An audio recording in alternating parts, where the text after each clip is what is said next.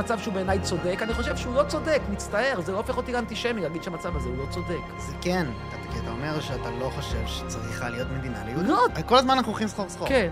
האם אנחנו נכנסים ואומרים את האמת, שאתה חושב שלא כזה big deal? ופה אני חלוק לחלוטין על יוסיאן, כי אני חילוני ליברל. כל אחד מאיתנו צריך לעשות קודם כל, ובראש ובראשונה, את החשבון שלו, את החשבון של משפחתו, לא את החשבון של עם ישראל. כי אם הוא חס וחלילה ייפצע בעזה, או ימות בעזה, זה לא שווה את המחיר. לא טוב למות בעד ארצנו. מי שמספר לך שטוב למות בעד ארצנו, משקר. זה אמירות קשות, צריך להבין את זה. זה אמירות נורא הגיוניות.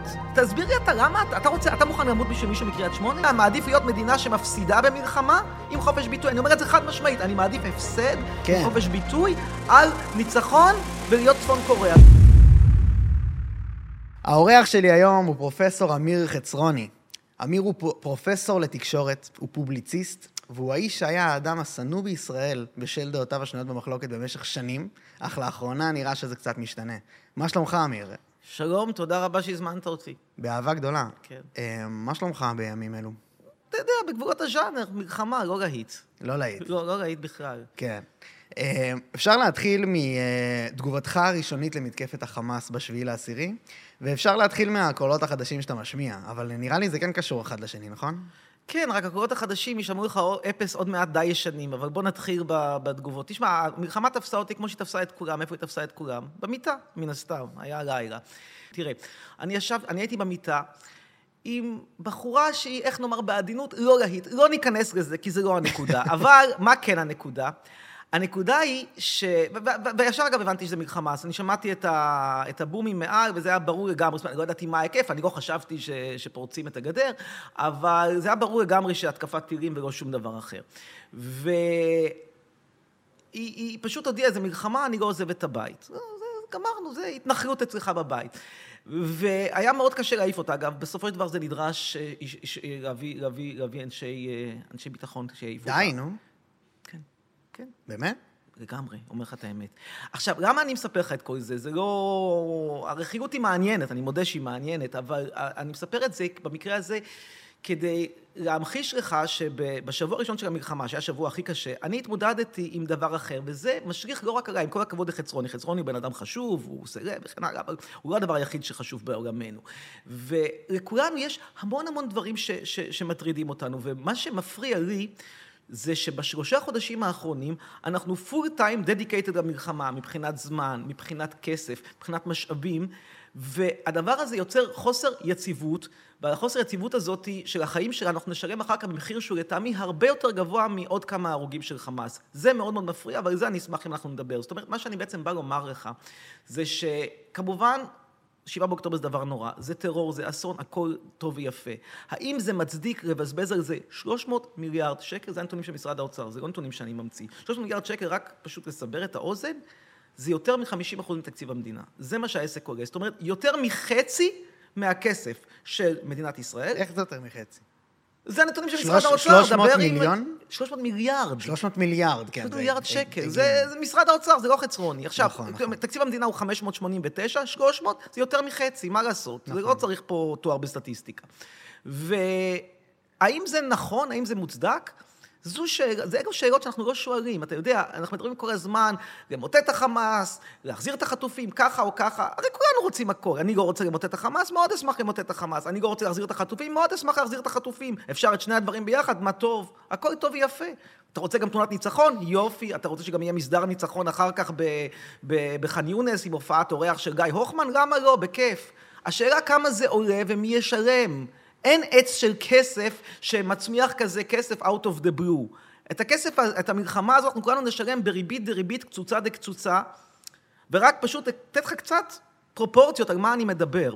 מלחמת העולם השנייה, בשיאה, כשהאמריקאים נלחמים מול גרמניה, מול יפן, מול איטליה, מגיעה בארצות הברית ל-40 אחוז מהתקציב, אוקיי? מלחמת וייטנאם, שהרסה את ארצות הברית, היא הייתה עשרה אחוז. בישראל אנחנו מדברים, ישראל הקטנה, שאין לה על מה להישען, אנחנו מדברים על סדר גודל של 50 ומשהו אחוזים.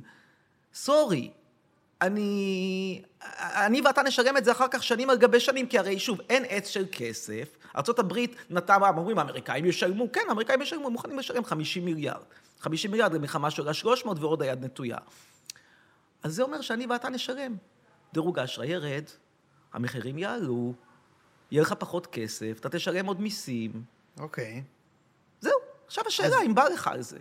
אני, אני, הטענה שעולה לי ב- ב- ב- ב- בהתייחס למה שאתה אומר, זה שזה לא אשמה, אני מניח שאתה מאשים את הממשלה. אני גם, אה, יש לי הרבה ביקורת על הממשלה והכל, אבל אני הייתי מאשים את, אה, את חמאס, או את המקום הגיאוגרפי של המדינה שבחרנו להקים, במה שאתה מתאר, ולא משהו מעבר. יש רצוי ויש מצוי. אם אתה שואל אותי, היה עדיף להקים את מדינת ישראל במזרח פרוסיה. האם זה רלוונטי כרגע? לצערי הרב, לא רלוונטי. האם חמאס הם אוסף של חיות שמקומן אפילו לא בספארי? אין לי ויכוח איתך. עכשיו, נשאלת השאלה, מה אני עושה במצב העניינים הנתון? האם אני משקיע את כל מה שיש לי, all in, במלחמה הזאת, ויש לזה מחיר. המחיר יהיה בבתי חולים שיהיו מצוידים פחות טוב, המחיר יהיה בפחות אה, תשתיות, וכן הלאה וכן הלאה, המחיר יהיה בפחות השקעה בחינוך, או שאני מחפש איזשהו בלנס מתוך ידיעה שמה לעשות, אני לא כל יכול, לא צבאית ולא כלכלית, פשוט אין לי את היכולת. האם הייתי, בוא תשאל אותי שאלה כזו, האם הייתי רוצה לרוץ 100 מטר בעשר שניות? בטח שהייתי רוצה. מה, אני מת להתחרות מול יוסיאן בולט ולנצח אותו. האם אני יכול לעשות את זה? לא. אבל אני הייתי טוען שאתה, מה שאתה בעצם אומר, זה ביקורת על עצם קיומה של מדינת ישראל, מדינת היהודים, פה במזרח התיכון. גם, אבל לא זה זאת מה הנקודה. שאולי לא, לא. לא, לא, לא, לא, לא זה מה שאני אומר כאן. יש אולי ביקורת על זה, אבל לא זה מה שאני אומר כאן. אני אומר כאן ביקורת על סדרי העדיפויות שלנו. אתה יודע, קודם מדברים בסדרי עדיפויות ואומרים, כסף צריך לתת לשכונות ולא להתנחלויות. כסף צריך להשקיע בחינוך ולא בישיבות. גם דברים שהם נכונים, שרובנו נסכים עליהם כנראה, למעט מי שמקבל את הכסף. אבל... גם שאלת המלחמה היא שאלה כלכלית, שאנשים לא נוגעים בה. ברור שחיי אדם חשובים, אבל אנשים צריכים להבין שכאשר אתה נלחם בעזה, ואתה משקיע בעזה, אז זה אומר שאתה לא משקיע במכשיר הנשמה בבית חולים. ואז אותו חטוף שינצל מעזה, או אותו מישהו שינצל בעוטף עזה כי לא תהיה התקפה של חמאס, ימות אחרי זה בבית חולים כי לא יהיה מכשיר הנשמה. הדברים האלה אתה לא יכול להתעלם מהם, אתה לא יכול לומר, פוס, אני מעכשיו רק במלחמה, כי חמאס יחיה אותי. בטח שחמאס הם חרא של בני אדם, אבל... כן, אבל, אבל אני, אני מנסה להגיד לך מה בטח עולה לאנשים עכשיו בזמן שאנחנו מדברים, בגלל זה אני כאילו מביע את ההתנגדות הזאת, כי אני מניח שכולם באותו אה, עמדה כרגע, שמה אתה אומר אז? שלא צריך את המלחמה? זה, זה העמדה? אני בא ואומר שאנחנו צריכים... להבין את גבולות הכוח ואת גבולות היכולות שלנו ואת גבולות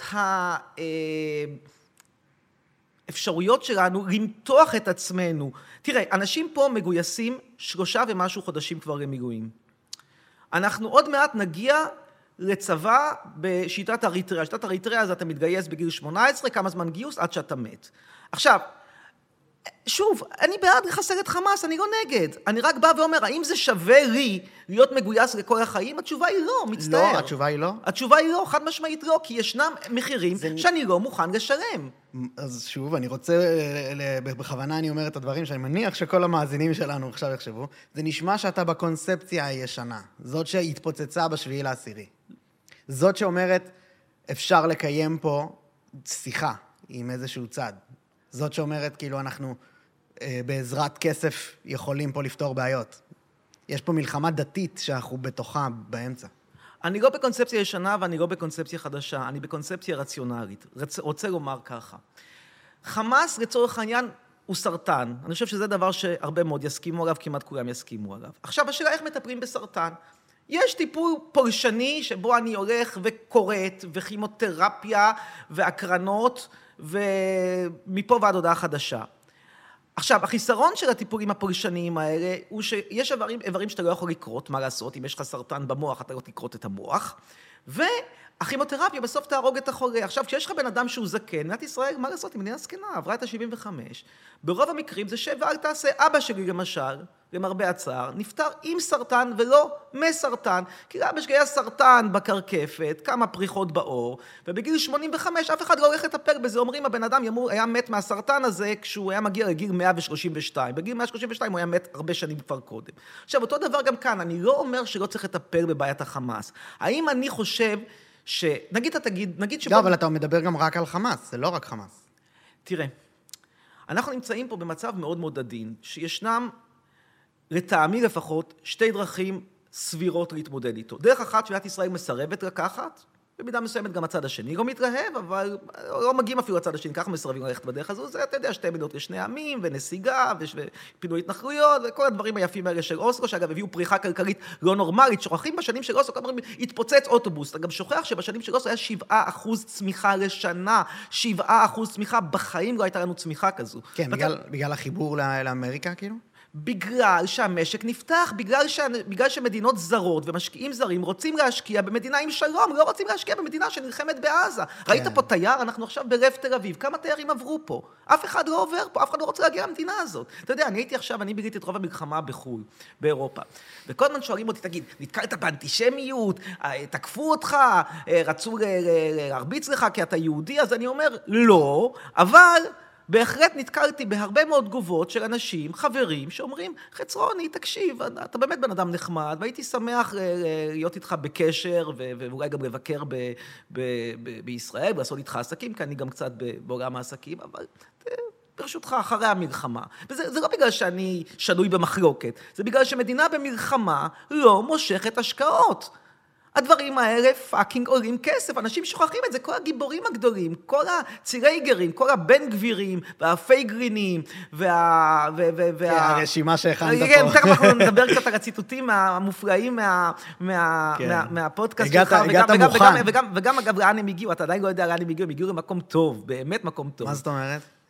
תשמע. בוא, בוא ניכנס לזה. ניכנס לזה, תקשיב. כשהתחלתי להתכונן לפודקאסט הזה, התחלתי לצפות בפודקאסט. אני, אני לא, אני, אני לא, אני מודה, עד לפני. כמה שבועות לא, לא, לא הכרנו. אז התחלתי לצפות כדי להתכונן. ואז הדבר הראשון שראיתי היה הריאיון עם, עם פייגלין, שהוא היה, היה מפחיד, היה לא שם אומרים, אני רוצה לראות אה, אה, אה, תינוקות מתים. ב... בעזה. זה מה שהוא אומר, אני רוצה לראות תינוקות מתים. יש, ואתה אומר לו, יש כבר, יש, כבר, יש כבר מתים, הוא אומר, לא מספיק, רוצה עוד. והיה לזה איזשהו סרט שרץ ב, רץ ברשת, מישהו, אני לא יודע אם אתה או מישהו אחר, חתך, חתך קטע והעלה את הסרטון הזה. והעליתי אותו לטוויטר שלי. עכשיו, בטוויטר שלי, מה לעשות, יש גם עוקבים שהם אקטיביסטים פלסטינאים. והם צרפו את זה למסמכים שהוגשו להאג. די. אז הפודקאסט שלך, בזכותי אינדיירקטלי, אני לא התכוונתי, אבל בזכותי, הפודקאסט שלך הוא מוצג בהאג. אתה יכול להיות גאה בעצמך, או לא יודע, אולי אתה רוצה להתבייל, לא יודע. זהו, אולי זה דווקא הפוך. אבל לא, תשמע, אתה הצגת פה, תשמע, זה ייצוג, הרי אתה, אגב, אתה לא מופיע שם, רק מופיע פייגלין. אני, אני ואתה יודעים שזה הפודקאסט שלך, אבל אתה לא מופיע שם.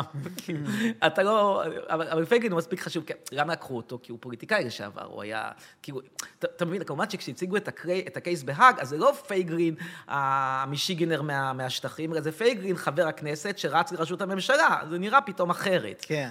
אה, אבל אוקיי.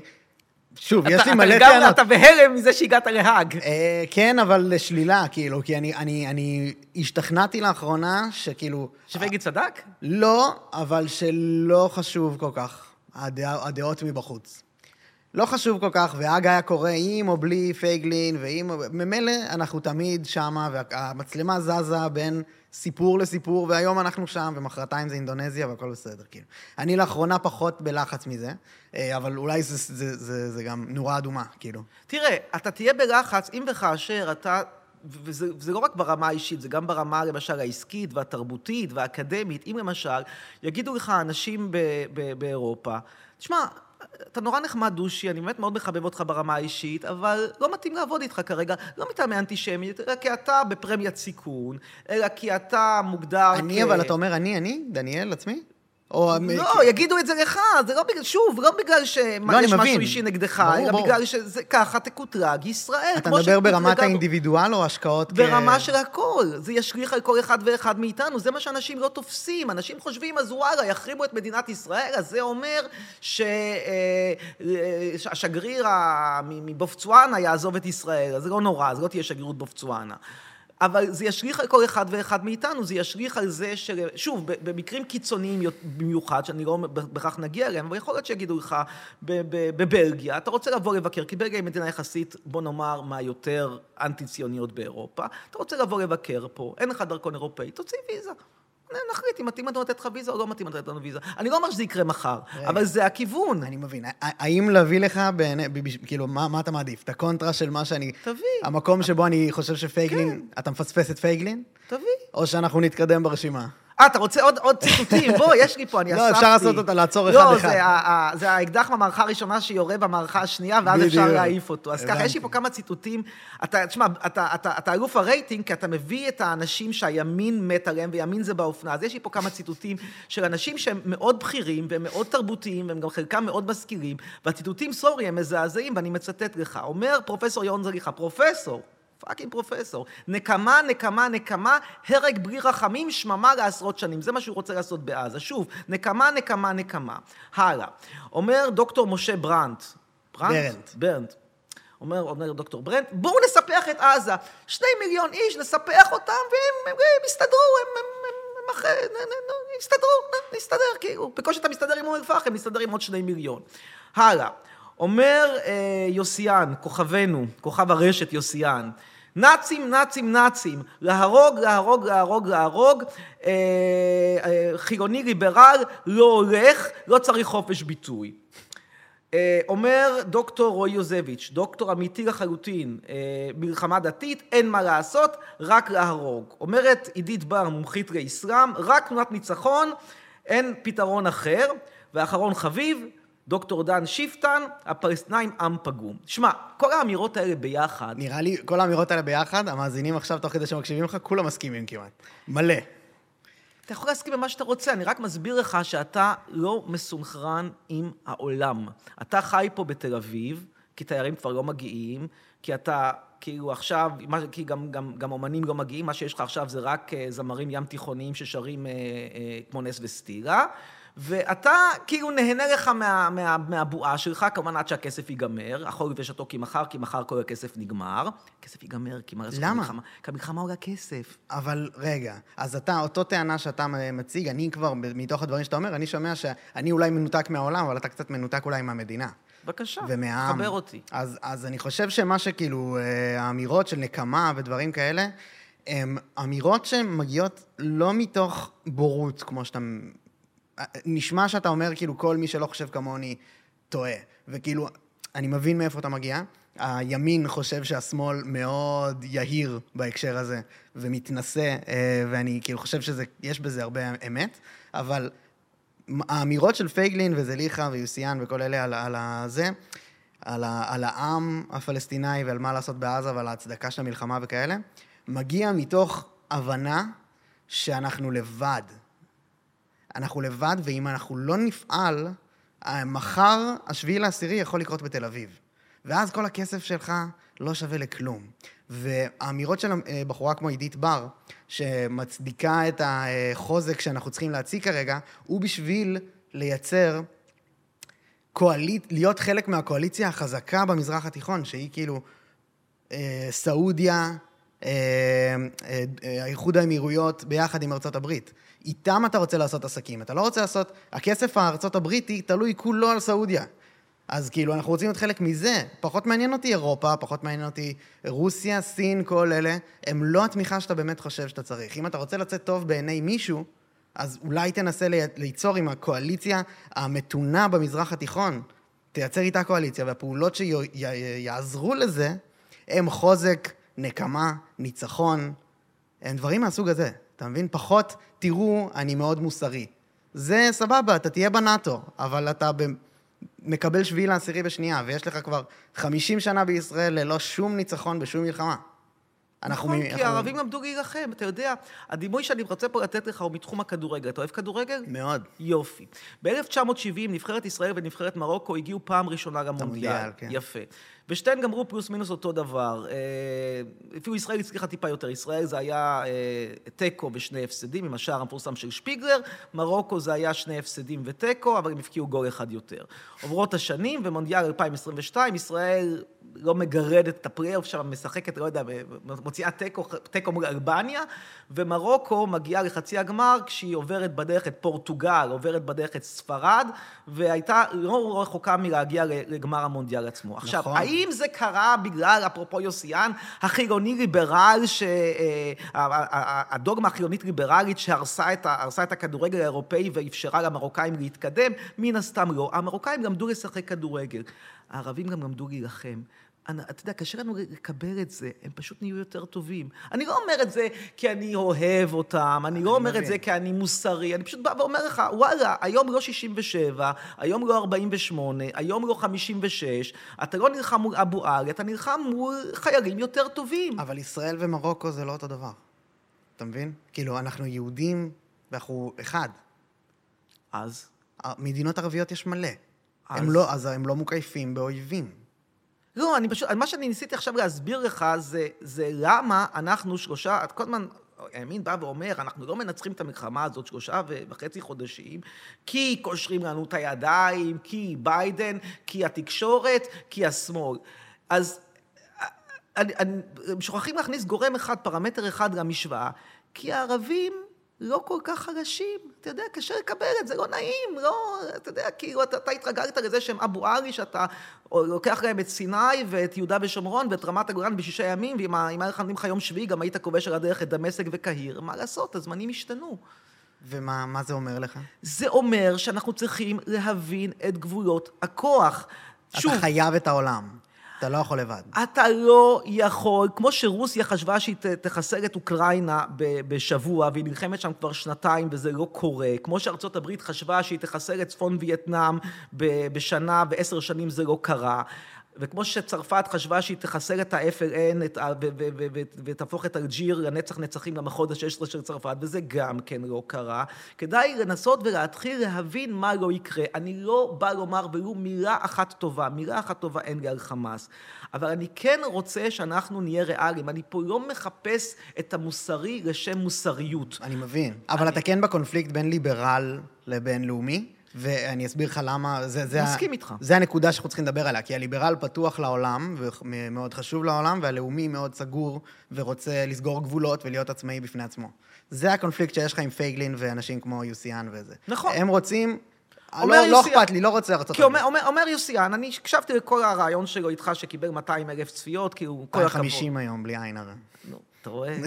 עוד אנחנו מדברים פה על 260. עכשיו, אומר יוסיאן, אני רוצה לפתוח פה מפעלי אמל"ח, אני רוצה שייצר פה טילים, לא צריך את אמריקה, לא צריך את אירופה, הוא הופך את ישראל לאלבניה, לא. רימייק של אלבניה, אלבניה של שנות ה-60. מדינה כזאת, עם לבדד ישכון, היית פעם באלבניה, ראית את המקלטים האטומיים שלהם? הוא הכין, הולג'ה הכין את הארץ שלו למדינה, למלחמה אטומית, היו לו מקלטים, היו מפעלי נשק, אממה, הייתה לו בעיה אחת קטנה לאוג'ה ולאלבניה, המדינה שלו הייתה ברמת חיים שהיא מגבירה פלוס מינוס היום למדינה אפריקאית. כי כשאתה מתנתק מהעולם וכשאתה משקיע את כל מה שיש לך בייצור אמל"ח, אז אתה מגיע לרמת חיים של בורונדי. עכשיו נשאלת השאלה, מה אתה מעדיף? ואני אשאל אותך, דושי, תענה בכנות. כן. האם אתה מעדיף לחיות עם 100% ביטחון ברמת חיים של בורונדי, או ב-80% ביטחון עם רמת חיים של ישראל לפני שלושה חודשים, מתוך ידיעה שכן, פעם בכמה זמן תהיה התקפת טרור, פעם בכמה זמן אוטובוס יתפוצץ, פעם בכמה זמן, כמו שפעם בכמה זמן אתה עולה על אוטו, ולא עלינו, אתה יכול להיות מעורב בתאונת דרכים. אין מאה אחוז ביטחון. רגע, אוקיי, אוקיי, אוקיי. פה יש עוד קונפליקט. אני, אני כן כאילו אענה, כי שאלת, אז אני אענה בכנות, שאני כמובן, אה, אני, אני לא חותם על הסטטוס קוו, אבל אני כן אה, הייתי מעדיף אישית שפחות תקציב, אה, כאילו שפחות היינו צריכים את הביטחון אולי שיש. אבל יש את העניין של להיות ביחסים, כאילו יחסי החוץ שלך לעומת היחסי פנים. אתה מפספס שוב אולי את הדור שאנחנו נמצאים בו. אמרת שאת הקליפ מפייגלין לקחו לי להאג. אני... כן, בזכותי. נזק תדמיתי לישראל, כנראה, חד משמעית, אבל החוזק שזה הביא לאנשים בכאב מטורף כרגע, אני חותם עליו. כי יוסיאן, יכול להיות שהוא עושה נזק כלפי חוץ, אבל הרוח, החוזק שהוא יכול לתת לבן אדם במצב כל כך חלש כמו המצב שהאזרחים שלנו נמצאים עכשיו, אל, אל תזלזל בזה, זה חשוב. והקונפליקט בין הימין לשמאל בישראל נורא נתקע שם. כי כאילו השמאל שכח את האזרחים קצת, מרוב יחסי חוץ. אני לא חושב שיחסי חוץ הם נגד האזרחים, אני חושב שהם לטובת האזרחים. לא, כי ברור, אני אומר שזה בלנס. היכולת שלך, למשל, אה, אה, לנסוע היום לאירופה בלי ויזה, זה, זה בין היתר תודות לשמאל. אם אתה חושב שהיא ממשלה של יוסיאן שמייצרים פה, שמתרכזת בייצור אמל"ח, ועם פייגלין שמודיע שהוא רוצה לראות עוד ועוד תינוקות מתים בעזה, אתה, אתה, אתה תהיה מקובל באירופה, תשכח מזה, אתה תבלה את החופשות שלך בטבריה. לא, אבל לא אני ענית יודע שאתה לי. אוהב את טבריה, אבל... אבל לא, אה, זה לא מה שאני אומר, אבל לא ענית לי על התחושה אני של עונה האזרחים. לך שנקמה, אני רוצה לענות לך, נקמה זה אחלה דבר כשאתה מיליארדר, ואתה, אין עליך שום איום, ואתה יכול להשקיע את כל מה שיש לך בפנטזיה של נקמה, כמו שאתה יכול להשקיע את כל מה שיש לך בטיסה למאדים. למ- למרבה הצער, ישראל לא נמצאת במקום הזה. יכול להיות שאם היינו לוקסמבורג, עם העושר של לוקסמבורג, היית אומר לי, בוא נשקיע עכשיו 300 מיליארד שקל בנקמה לשם נקמה כדי להראות להם, אז כן. אבל אני מצטער, כאילו, אני, אין לי כסף להשקיע בנקמות. לא שאני לא רוצה לנקום, אני רוצה לנקום. אני גם רוצה ל- ל- לכבוש את הקוטב הצפוני, לכבוש לא, לא, לא, לא, לא לכבוש אה, אה, צבאית, אלא להגיע לקוטב הצפוני, ואני גם רוצה לרוץ, כמו שאמרנו, 100 מטר בעשר שניות. אבל אני מבין את, את הגבולות כוח שלי. מה שהימין בארץ לא מבין זה את גבולות הכוח. הוא חושב שבצד השני עומדים חיילי פלסטלינה שעם קצת קטישה כזה, קצת אתה מועך אותם, אז הם לא קיימים. הוא חושב שאפשר לקחת את כל המשאבים של ישראל ולעשות all in לטובת מלחמה, והוא שוכח את המחירים. בוא, אני רוצה לתת לך קצת מספרים כדי להסביר את העמדה שלי. אמרנו ש-300 מיליארד שקל עלתה המלחמה, נתונים של משרד האוצר, לא של חצרוני.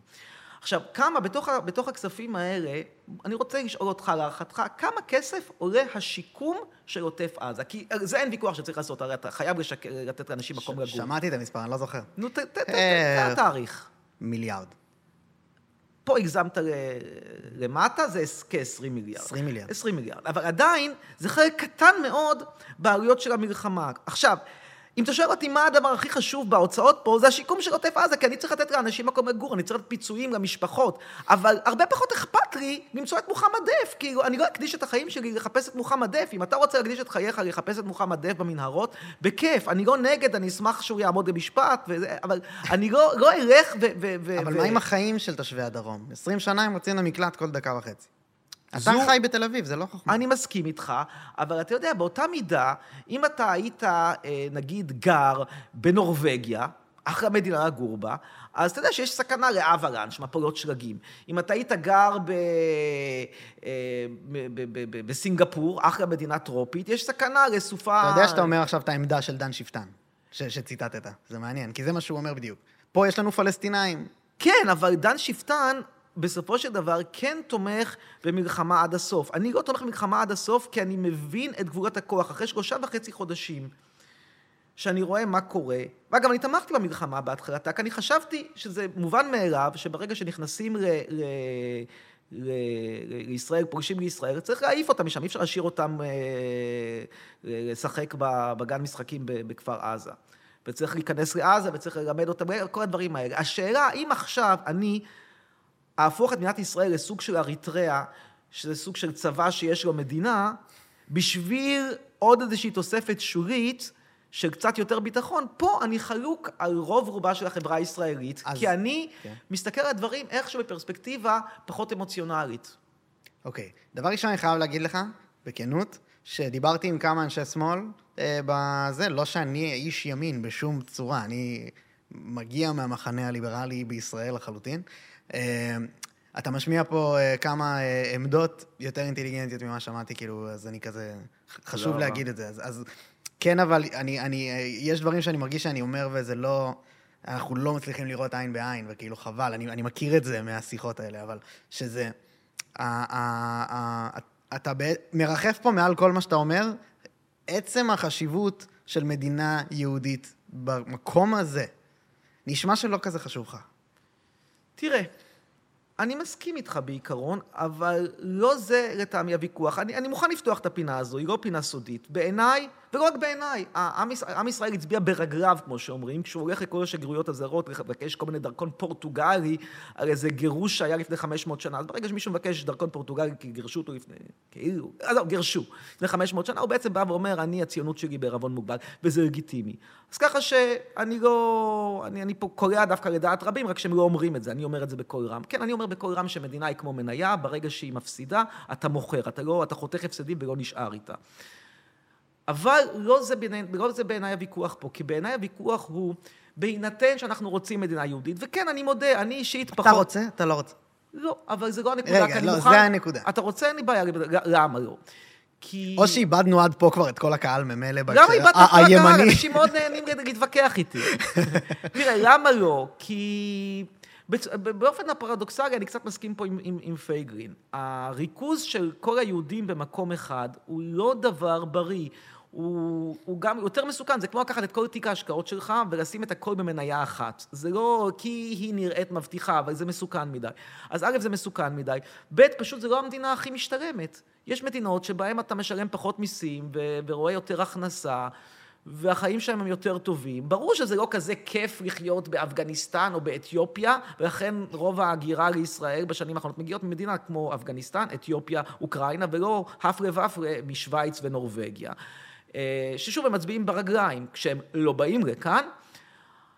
ואני לא, אני לא מחובר למסורת היהודית, מה לעשות, לא אכפת לי מהר סיני, לא אכפת לי משה כן קיבל תורה, לא קיבל, אני אדיש, מותר להיות אדיש. כן.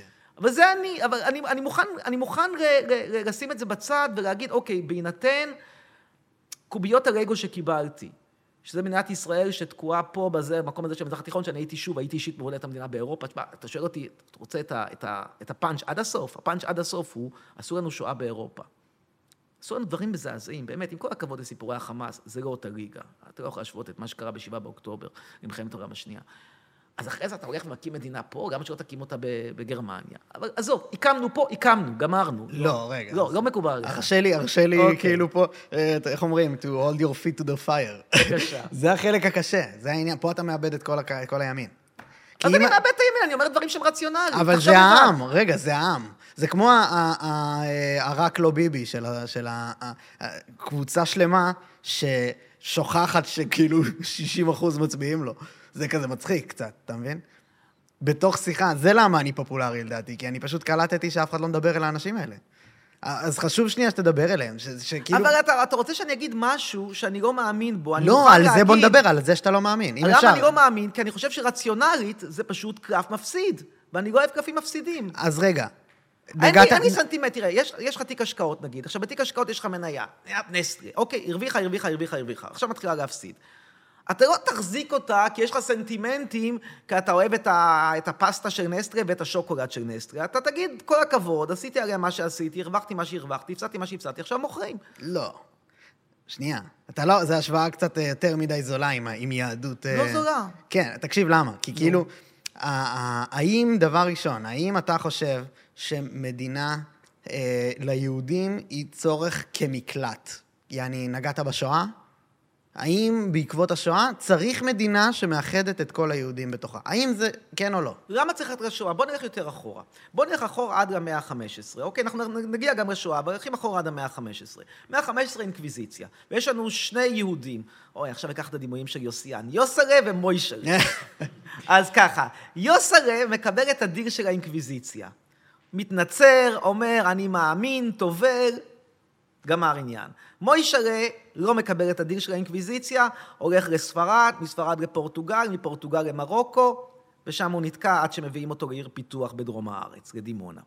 מי עשה דיל יותר טוב? האם עשה את הדיל יותר טוב אה, יוסלה, שנשאר בספרד, אחרי זה הפך לאירופאי, התקדם, בטח עבר לצרפת, אולי אפילו לגרמניה, עשה הון יפה. בשואה לא נגעו בו, כי הוא כבר היה דור תשיעי או עשירי או אחד עשרה של יהודים, ואף אחד לא בדק אותו, והוא עשה כסף, והיום הוא חי, ויש לו מכונית מרצדס חדשה שעולה שם רק 100 אלף שקל, כי בארץ היא תעלה 400 אלף שקל בגלל המיסוי, ויש לו חיים טובים, אז הוא לא יהודי, סורי. what, who cares? אחלה חיים יש לו ליוסלה. ואילו מוישלה שלנו במרוקו, אחרי מרוקו הגיע במאמצים רבים לדימונה, בדימונה קיבל דירת עמידר, במקום להגיד תודה הוא בוכה, אולי בצדק, אולי לא בצדק, לא נתווכח על זה, לא להיט, ואחרי הכל הוא גם נלחם בעזה עכשיו. אז מי עשה דיל יותר טוב? האם להיות יהודי זה עסק טוב או עסק רע? אבל אתה מדבר על זה כאילו זה אופציה, זה לא בחירה. אני ואתה, אתה יהודי, נכון? אתה אתאיסט, אבל אתה יהודי. או שלא. תראה. או, או, או עוד, עוד יותר נגענו. תראה, אתה רוצה, אתה, אתה רוצה פה רק, רק פוליטיקה או גם בצד האישי? כי אפשר גם בצד האישי. אני לא פה לגמרי באישי, תיכנס. באישי, היה לי עכשיו, כשהייתי עכשיו באירופה, אני את המלחמה, אתה שואל אותי מה, מה ההמלצה שלי הכי טובה למי. כשיש מלחמה בישראל, אם לא גייסו אותך, פשוט קח מטוס, אין לך מה לחפש פה, חבל סתם תספוג טילים. אז אני עמד, עשיתי, עשיתי כהמלצתי, נסעתי לאירופה. באירופה הכרתי בת אצולה, אמיתית, הסיפור פה עכשיו אמיתי לחלוטין, שהאבא של הסב, סבא של סבא שלה, אחיו היה קאנצלר גרמניה, שאגב נתן אה, בלוק לציונות, הוא זה שלא הסכים, הוא אמר לקיסר וילם, תעזוב את הרצל, הרצל זה אוסטרי, לא יצא ממנו שום דבר, עזוב, עזוב, עזוב, עזוב, עזוב, עזוב, עזוב. טוב, הם נורא נורא פרוטסטנטים לותרנים, ואני, כאילו, אמרתי להם שם, אם, אם, השכ... אם הבעיה בשביל שאני אהפוך מחצרוני לחצרוני פון בולו, וואו, פון בולו, יפה, אומלאו. בשביל זה, זה צריך, כל מה שצריך זה להצטרף לכנסייה לותרנית, בכיף. מה זה, זה כלום, מה אני צריך את הדת המחורבטת הזאת, מה אני מקבל ממנה, סליחה. פה יש לי אפשרות להצטרף לבית אצולה, ושם יש לי, אה, ופה, ופה מה שמציעים לי זה לחטוף טירים. מה יותר טוב? טירים בית אצולה. טירים בית אצולה. טירים בית אצולה. וואו, איזה דילמה, איזה דילמה. עכשיו, זה מקרה קיצוני. לא הרבה הגיעו לבית אצולה, אבל הרבה חטפו טירים. אתה שואל איך זה נגמר? נגמר רע. אה, אה, אבל... אישה רעה. אה, אבל בשורה התחתונה, כל אחד מאיתנו, ופה אני חלוק לחלוטין על יוסיאן, כי אני חילוני ליברל, כל אחד מאיתנו צריך לעשות קודם כל ובראש ובראשונה את החשבון שלו, את החשבון של משפחתו, לא את החשבון של עם ישראל. כי אם הוא חס וחלילה ייפצע בעזה, או ימות בעזה, זה לא שווה את המחיר. לא טוב למות בעד ארצנו. מי שמספר לך שטוב למות בעד ארצנו, משקר. או. חד משמעית, משקר לך straight face. לא טוב למות בעד ארצנו, לא טוב למות בכלל. אה, יופי, אוקיי. ובוודאי לא בעד ארצנו. אז רגע, לא ענית לי על מלא דברים, אז אני ברשותך מתעכב עליהם. כאילו, האם אתה, אתה יהודי? פורמלית יש עתירה שלי לבג"ץ שמבקשת... אני, אני אענה לך אז אבל, בשבילך. אבל עזוב, זה לא... זה, לא, כי מחר... האם אני מרגיש יהודי? לא. לא. מחר, זה אולי מה שאתה לא מסתכל לו בעיניים בעקבות השביעי לעשירי, והוא כן דומה לשואה. נו. נכנסו אנשים, והיו יורים בך בדיוק כמו במוישלה. אבל הם ירו גם בעובדים זרים נפאלים. הם ירו בכל מה שזז שם, ירו בערבים אה, מה, מהפזורה הבדואית. זה כי הם היו בתוך uh, state of fanaticism, אבל האידיאולוגיה שהובילה אותם להיות ככה, היא שנאה אליך כיהודי. דושי, בוא, בוא נעשה את החיים קלים. האם אני, חצרוני, במידה של, במקרה של מלחמת חורמה, האם הסיכוי שלי להינצל ולהגיע לאירופה הוא, הוא גבוה בהרבה מהממוצע? התשובה היא כן. א', כי יש לי כסף, ב', כי יש לי דרכון זר, וג', כי אני רשום בשגרירות הפרנית והציעו לי פינוי. אוקיי? אז אני מסודר. אה, שוב, אם יהיה התקפת טרור ברגע שאני יוצא פה מה, מהאולפן שלך ומחבר יתפוצץ, אז כנראה שאני אלך פייפן. אבל יחסית מצבי טוב, אוקיי? כלומר, אני בהחלט כן שם את האינדיבידואל, להבדיל מיוסיאן ולהבדיל מפייגלין, אני שם את האינדיבידואל לפני הקולקטיב, זה בעיניי מובן מאליו, כאילו, סליחה, מי, מי יותר חשוב לך? יותר חשוב לך אתה, החברים שלך, המשפחה שלך, האחים שלך, או איזשהו מישהו שגר בכפר עזה, או מישהו שגר בקריית שמונה, למה שיהיה אכפת לך מהם יותר? זה לא נורמלי, למה שתמות בשבילם? או, בסדר, פה זה אמירות קשות, אתה צריך להבין את זה. זה אמירות נורא הגיוניות. תסביר לי אתה, למה אתה, אתה רוצה, אתה מוכן למות בשביל מישהו מקריית שמונה? אה, אני לא חושב שזה בחירה כמו שאתה מציג את זה. למה? כי אתה פה, אם אתה לא, תס... אם אתה אומר, אני לא מסכים שקיימת מדינה, ש... שיש צורך בכלל למדינה יהודית במקום הזה, בארץ ישראל, אז סבבה. אבל אם יש, יש לזה מחיר שאתה כאילו לא מוכן לשלם, וזה בסדר, זו זכותך, פשוט אתה, כאילו, אתה צריך להבין מאיפה מגיעים האנשים שזה כן חשוב להם. תראה, מדינה, אתה מסכים איתי שמדינה היא סוג של תעודת ביטוח, פוליסת ביטוח? לא. לא? אז מה, אם, אם זה לא נותן לך פה ביטוח, אז מה זה נותן לך? זה נותן לי אמ,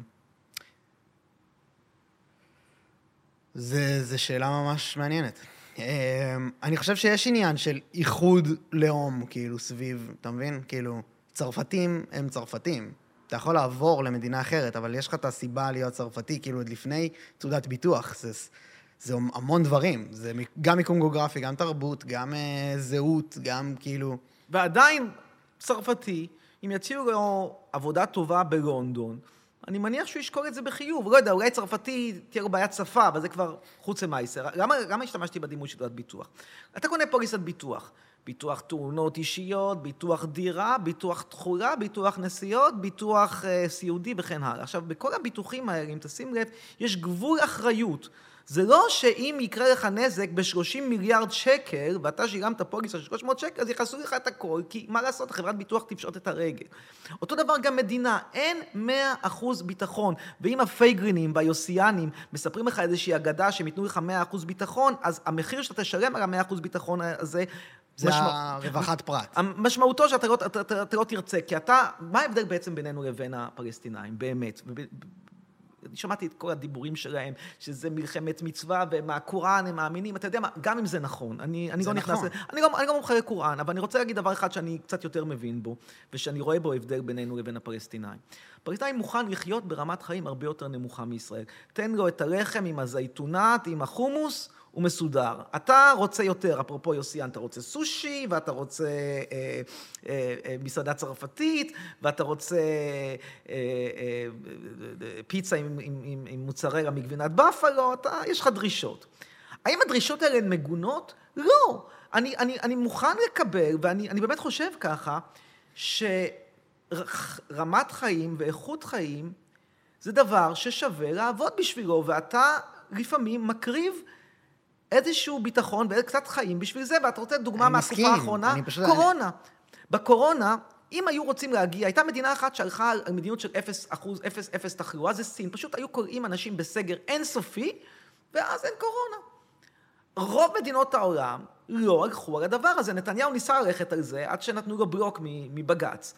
כי אתה לא יכול לעצור את החיים ולהגיד, כלום לא חשוב, נהיה כלואים בביתנו, ובלבד שלא יהיו, לא, לא, לא יהיה מקרה אחד של קורונה. אותו דבר גם פה, אין. אתה החלטת להיות באזור, לחיות באזור מסוכן. אני לא הייתי מחליט לגור בו, אבל החלטנו. בדיוק, זה, זה העניין. אבל אני מקבל את זה כהחלטה נתונה.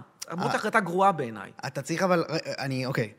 אני ממש מבין את מה שאתה אומר. העניין עם הזה נורא אה, נכון, כאילו לא טוב למות בכלל, אז לא טוב למות בעד ארצנו. מקבל, כאילו ברור שבאידאל זה נכון, וברור ש... אמ, עדיף רווחת פרט, עדיף חיים טובים מאשר ביטחון מלא. מבין גם את זה. למה פה? למה אני פה? למה אנחנו פה? כן, איזה... למה פה להשמיע בכלל את הדעות האלה, כאילו? באמת, אני הייתי בצד הזה. אני פשוט לא מבין. אה, ואמרת, אני רוצה יותר רייטינג, אז אני אשנה את דעתי. לא, אני באמת השתכנעתי, כאילו. אני, אני... אבל אני לא השתכנעתי. אז בוא, אז אני, אני מנסה לשאול אותך את השאלה שכאילו יושבת בבסיס של הטיעון שלך. למה לא השתכנעתי? לא, למה פה? כי יש חופש ביטוי, כי אני, כי אני בקונטרה ליוסיאן לא מוכן לחיות במדינה שבה אין חופש ביטוי, אבל ננצח, כי יוסי יאן רוצה שנחיה למ... בצפון קוריאה של המזרח התיכון. ואם לא רוצה... מתאים צפון קוריאה, מעדיף להיות מדינה שמפסידה במלחמה עם חופש ביטוי. אני אומר את זה חד משמעית, אני מעדיף הפסד כן. עם חופש ביטוי על ניצחון ולהיות צפון קוריאה. לא מתאים לי צפון קוריאה. אתה אומר, אני רוצה ברלין, אני רוצה דנמרק פה. כן. למה פה?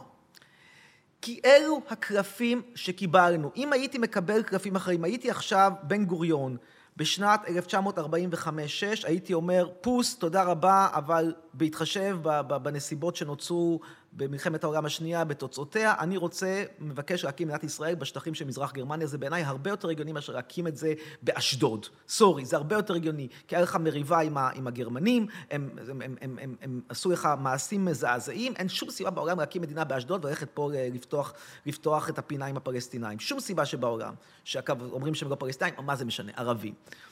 זה לא קרה. אנחנו כרגע, יש לי קלפים, אתה יודע, זה כמו שאתה בא בתור פרויקטור להציל עסק שמלכתחילה אולי היית פותח אותו אחרת, אולי לא היית פותח אותו, אולי זה, אבל הוא כרגע עסק קיים, ואתה רוצה להוציא ממנו את המיטב.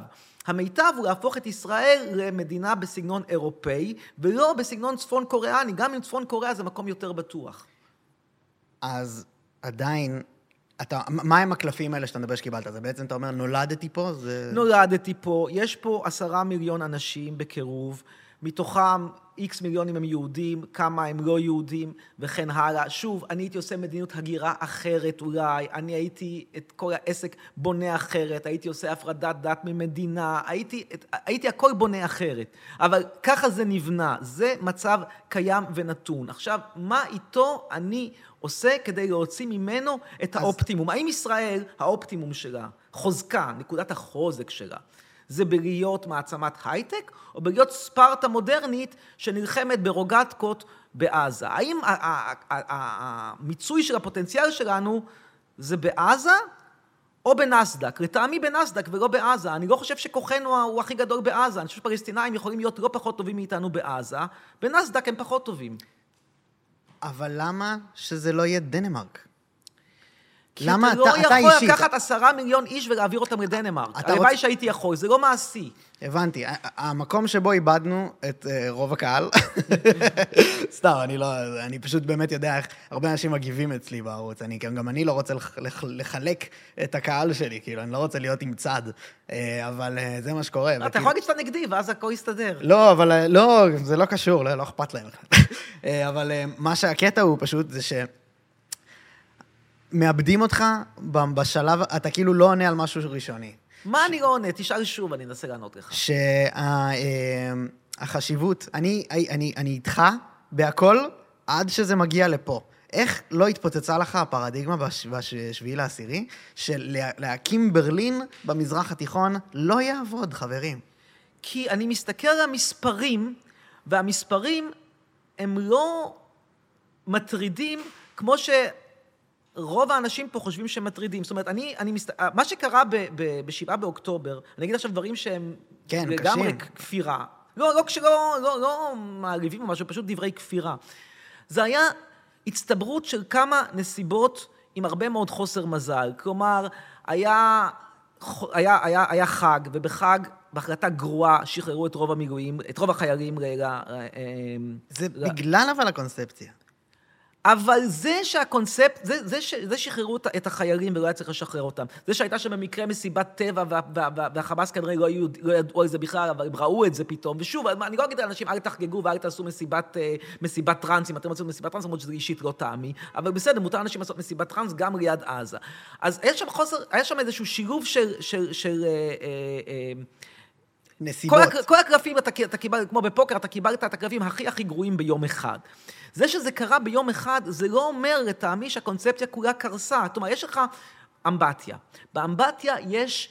צינור ש, שהתפוצץ, ו, וזה יצר שיטפון, אתה לא היית בבית, וכל הבית הוא בשיטפון. כלומר, יצא, זה נראה נורא, אבל הבעיה עצמה היא לא כזו חמורה, זו בעיה שמצריכה החלפת פאקונג, ולא שיפוץ כולל של רמונט של כל הבית, כי הרמונט של כל הבית, שוב, זה לא דבר רע, כשזה עולה המון המון כסף. כשאתה תתחיל, אתה יודע, רק כשאני אסביר לך מה המחיר של הדברים האלה, כשהתחלנו את השיחה, כשאמרתי לך כמה עולה המלחמה. כן. אז אני פשוט רוצה לתת לך לסבר את האוזן של מה תהיה המשמעות של זה במיסים. בישראל כיום מס הכנסה ברמות השיא שלו מגיע ל-50 אחוז בערך, עם כל התוספות וכן הלאה. ובארצות, ואמרנו שהמלחמה עולה יותר מחצי מהתקציב. בארצות הברית, ב-1945, בשיא מלחמת, בתקופה שבה עלויות המלחמה היו הכי גבוהות, והם הגיעו שם ל-40 אחוז מהתקציב, הרמה הכי גבוהה של מס הכנסה הגיעה, בוא תנסה להמר, לכמה? מה, מתי שוב? 1945, כש-40% מתקציב ארה"ב הולך למלחמת העולם השנייה. כמה מס הכנסה האמריקאים משלמים? 30. 94. יופי.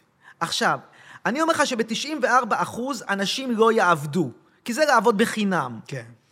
אנחנו צריכים לקחת את זה בחשבון. אתה אומר, אני רוצה למוטט את חמאס, גם אני. אני רוצה להחזיר את החטופים, גם אני. אני רוצה שתמונת ניצחון, גם אני. אני, אני, אני רוצה. אני, אני, אני יכול לשלם את המחיר. אבל אתה לא עונה לי על האם, על למה מלכתחילה. למה מלכתחילה? לך, בדנמרק יהיה לך אחלה של מס. לי ולך כן, כי אני ואתה אנשים משכילים, מוצלחים, מוכשרים עם דרכונים זרים. אבל יש פה עשרה מיליון איש, יש פה אה, אה, בתים, יש פה מפעלים, יש פה אה, יוניברס שלם שנבנה, וצריך איכשהו, מישהו, שיאמר את האמת לציבור וייקח את הספינה לאיזשהו מקום נורמלי. ולמה אני באתי פה לפודקאסט שלך? א', כדי לספר לך שהגעת להאג, וב', כדי לנסות איכשהו להשמיע קול של... יוהו, תראו שאתם שוחים למקום הלא נכון, אתם, אתם כאילו התאהבתם בדרך, ראיתם שם כביש יפה, ואתם נוסעים, נוסעים, נוסעים, ואתם נוסעים לג'הנום. כי, כי בסוף, בסוף, בסוף, בסוף, בסוף, אתם תהיו במלחמה, למה, איפה, איפה קפץ לי ה... איפה קפץ הקפיץ? הקפיץ קפץ לפני כשבוע בנאום של נתניהו, שאומר, המלחמה תימשך כנראה שנים ארוכות. רגע, שנים ארוכות. אבל בוא נחשוב שנייה על אופציה אחרת, שנייה. בוא נגיד שהמלחמה לא תימשך שנים ארוכות, בוא נגיד שאנחנו מקפיאים את המצב כמות שהוא. האם כרגע חמאס הוא איום קיומי? אגב, גם בשביעי באוקטובר הוא לא היה איום קיומי. הוא לא היה איום קיומי. זה לא אומר- מלחמת העולם השנייה, זה לא גרמניה שהולכת לכבוש את העולם. זה. שלושת אלפים טרקטוריסטים. אתה טועה. לא, אני לא טועה. זה שלושת אלפים טרקטוריסטים בלי רישיון, אני לא טועה. אתה טועה בגלל שהם הם פרוקסי של איראן. אתה חושב שאתה מול חמאס, אתה טועה. אתה רוצה להילחם מול כל העולם? אתה... אתה מבין, אתה מבין את העלויות? כאילו, אתה רוצה להילחם, רגע, חמאס, אחרי שתגמור עם חמאס, אתה תלך ללבנון, נכון? אתה... בדרך. אני לא חושב שזה אני, אני חושב אוקיי, ואחרי שלבנון... לבנון? אתה, אתה מתאר פה את המציאות שכנראה אני, עומדת... אני לא, כי אתה מתאר מציאות שבה אני אומר לך שהמלצתי היחידה לישראלים, זה לעזוב. חד משמעית, בדיוק. בשנייה זו. לשם אני חותר. נשמע שזה מה שאתה אומר. ואני לא בטוח שזה לא הצעד הנכון. אני חושב שזה הצעד המאוד נכון. אני מקווה שזה בכל זאת יביא לך כמה צופים, הרי בכל זאת, חצרון נותן המלצה פרקטית. לייצר ו- מזה כותרת. כן, אבל אתה יודע, יש גם איזושהי, אה, אה, אולי קצת דאגה לכלל, וקצת מעבר לזה דאגה שמה לעשות, אני מושקע פה, ואני רוצה שמהדבר הזה לא, לא לברוח כמו פריט, אני, גם אם אנחנו בורחים, בוא נברח בצורה מסודרת. בא לי לה, לה, להגיד לך נו. שאני חושב שהקונספציה שנשברת צריכה גם להגיע אליך, שזה פה פרויקט שאתה חושב שהוא לא... לא... מלחמת נצח אתה מציע לי. אני לא מציע, אני, אני מסביר שזה לא מהצד שלך, אתה לא נותן מספיק חשיבות לדת, בגלל זה כולם פה נשמעים לך מפגרים.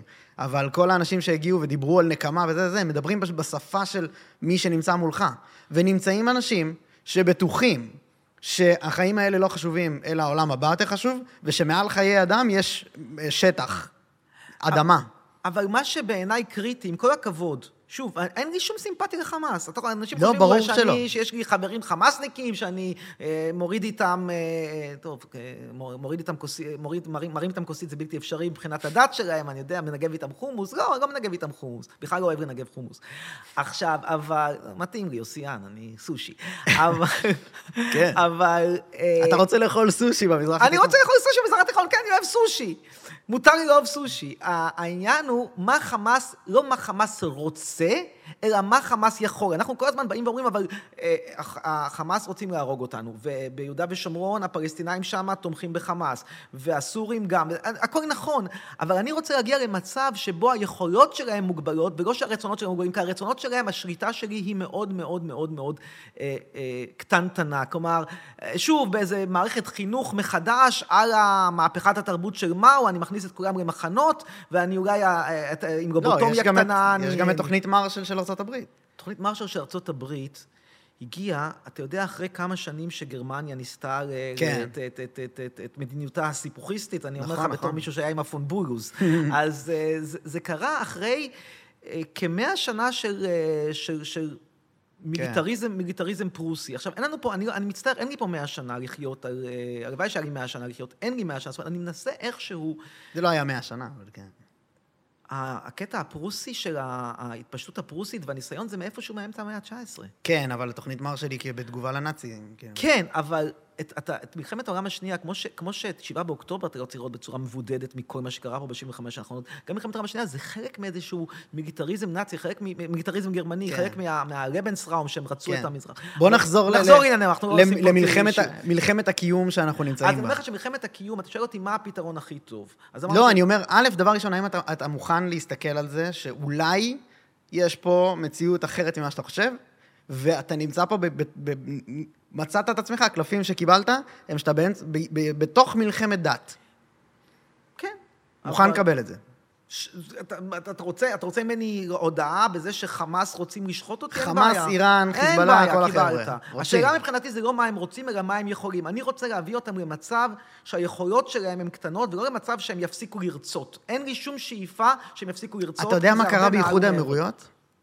איחוד האמירויות ובערב הסעודית, הם הכניסו חוקים לתוך, ה, אה, לתוך כל התקשורת, כל המואזינים, כל המסגדים, כל החינוך, כל הדברים, קיבלו הנחיות מאוד מאוד ברורות על שיטת חינוך, ודור אחד קדימה, תראה איפה הם נמצאים היום. הם גם יושבים במקרה על בארות נפט שאין בעזה, מה לעשות? זה גדול עליי. תשמע, שוב, כן, אבל אתה- קטר לדוגמה זה לא. קטר עשו בדיוק הפוך, איראן גם. לא, גם קטר מדינה די בטוחה. אגב, לא, קטר, קטר- אגב, קטר, אגב, קטר, תומכים באחים המוסלמים. הוצאות- הוצאות הביטחון של קטר הן הגבוהות ביותר בעולם. נכון, ש- אבל הם, הם תומכים באחים המוסלמים, זה מה שאני אומר, שכאילו... בסדר, אבל, אבל עדיין די בטוח בקטר, אבל שמע, אנחנו, אנחנו לא בקטר, אנחנו גם לא באיחוד האמירויות, ואנחנו גם לא בסעודיה. אני, שוב, שאיפתי היא נורא נורא צנועה, להבדיל מכל האנשים האלה שמביאים המון המון המון רייטינג, ושיש להם פריטנציות אה, לסדר חדש במזרח התיכון. אגב, פעם אחת ניסינו את זה, לבנון, 1982, אני עוד מספיק זקן כדי לזכור את זה, זה נגמר רע מאוד מאוד. מה, הניסיון שם ל... לשחרר את... אנחנו אה, נכבוש את לבנון, ואנחנו נמריך את הפלנגות, והפלנגות כן. יחתמו איתנו על הסכם שלום, ואז הכל יסתדר. אתה יודע מה, מה, מה, מה הייתה התוצאה? התוצאה הייתה הקמת חיזבאללה. נכון, כן. משהו, להיט. כן. אז- אני, לא, אני לא תומך בצעדים. לא, אני רק אומר שהפריטנציות שלי נורא נורא מוגבלות. אני לא רואה את... שוב, בהתחשב בקלפים שנתנו לי, אני מסתפק להיות אינסטלטור שסותם את החור.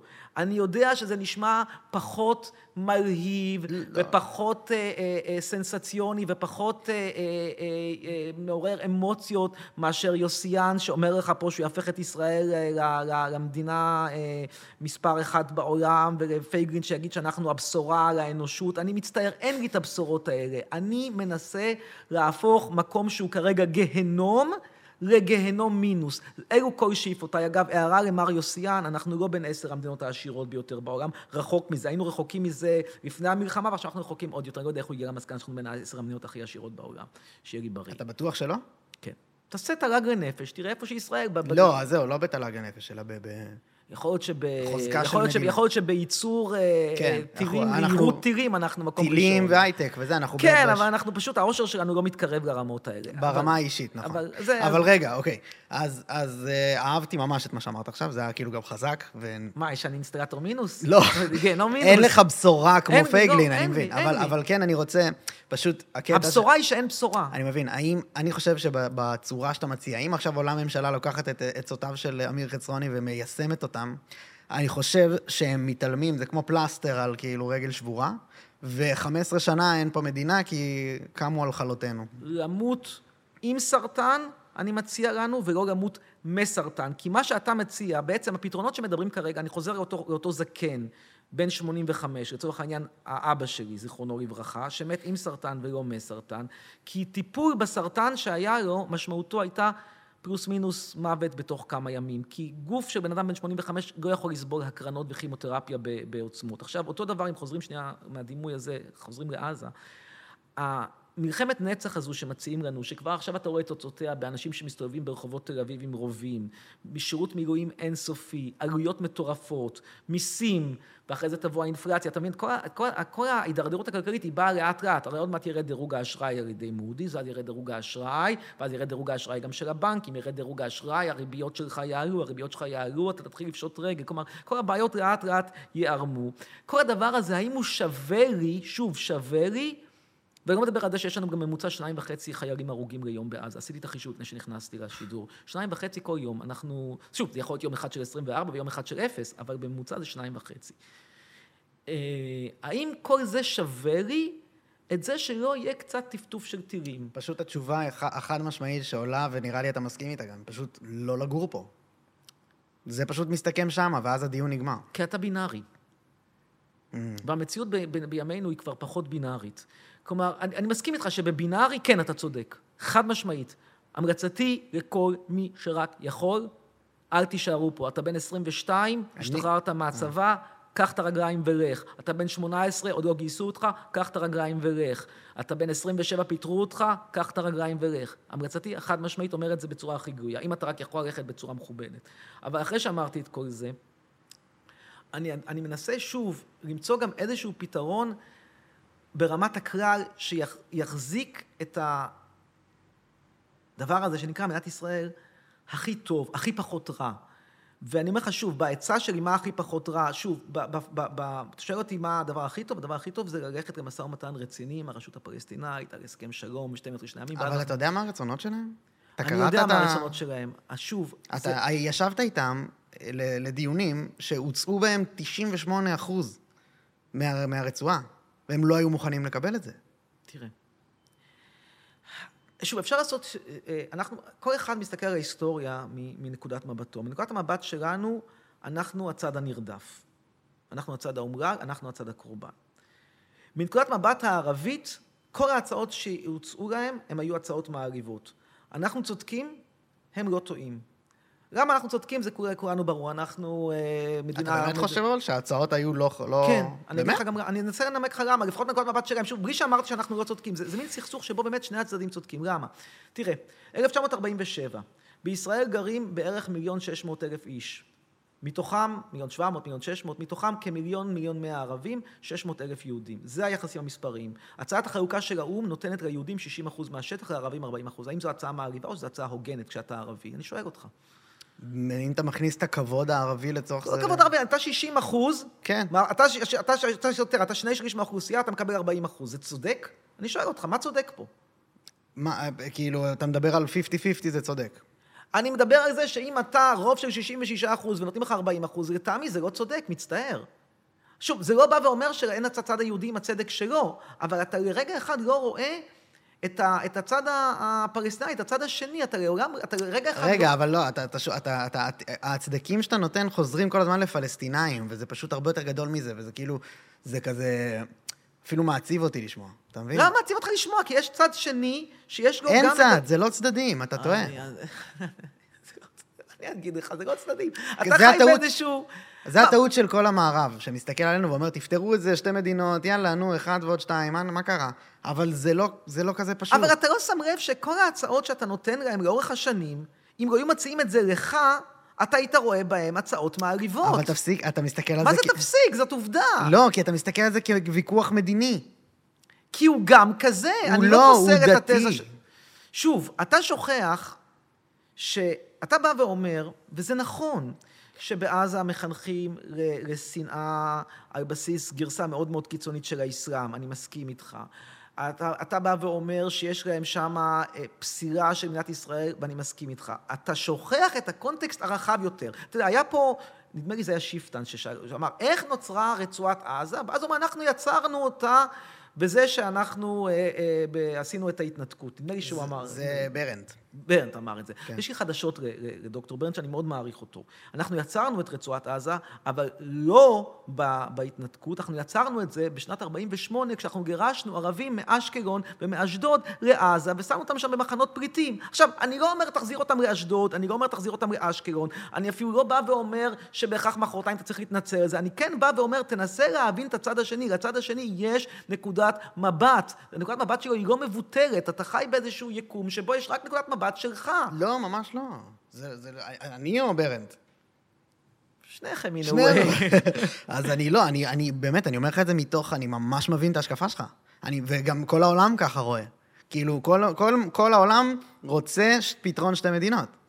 אני אומר לך, זה לא יקרה, כי הצד השני, לא, זה לא מאבק של עם פלסטיני, זה מאבק דתי של האסלאם, שעושה את מה שמוחמד אמר לו לעשות.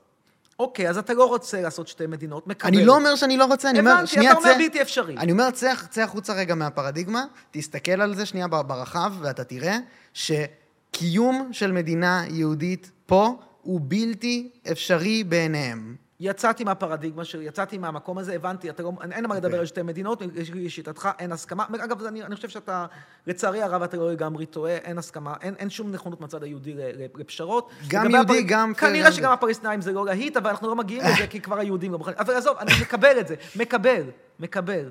ואז אני אומר, בהינתן הקלפים האלה, ש... ש ש, שקיימים, לא נותר לי אלא, למרבה הצער, לנהל את הסכסוך. אפרופו ביבי לפני, ה... לפני השבעה באוקטובר. עכשיו אתה אומר, אבל מה, אתה מחזיר אותנו לשבעה באוקטובר? אני אומר לך, עם הקלפים האלה, כשאני אומר, מה אפשרות אחת? אפשרות אחת זה שיהיה פה מדי פעם קצת טרור, אפשרות שנייה זה מלחמת נצח עם, עם אנשים שמגויסים לכל החיים. אני מעדיף את האפשרות הראשונה לאפשרות השנייה. האפשרות הראש... השנייה היא לא חיים שאנחנו, שאני רוצה לחיות אותם, היא לא חיים שמדינה נורמלית יכולה לחיות אותם. אז אני מתפכח לאחרונה בהקשר אתה של... אומר, אני מוכן, זה... בוא, בוא לא, אני לא מוכן, אני אומר, זה המציאות. לא, אני אומר, זה המציאות, ווואלה, השאלה היחידה היא, האם אתה מוכן לחיות את זה, או שאתה מוכן, או שאתה או אתה עובר לדנמרק.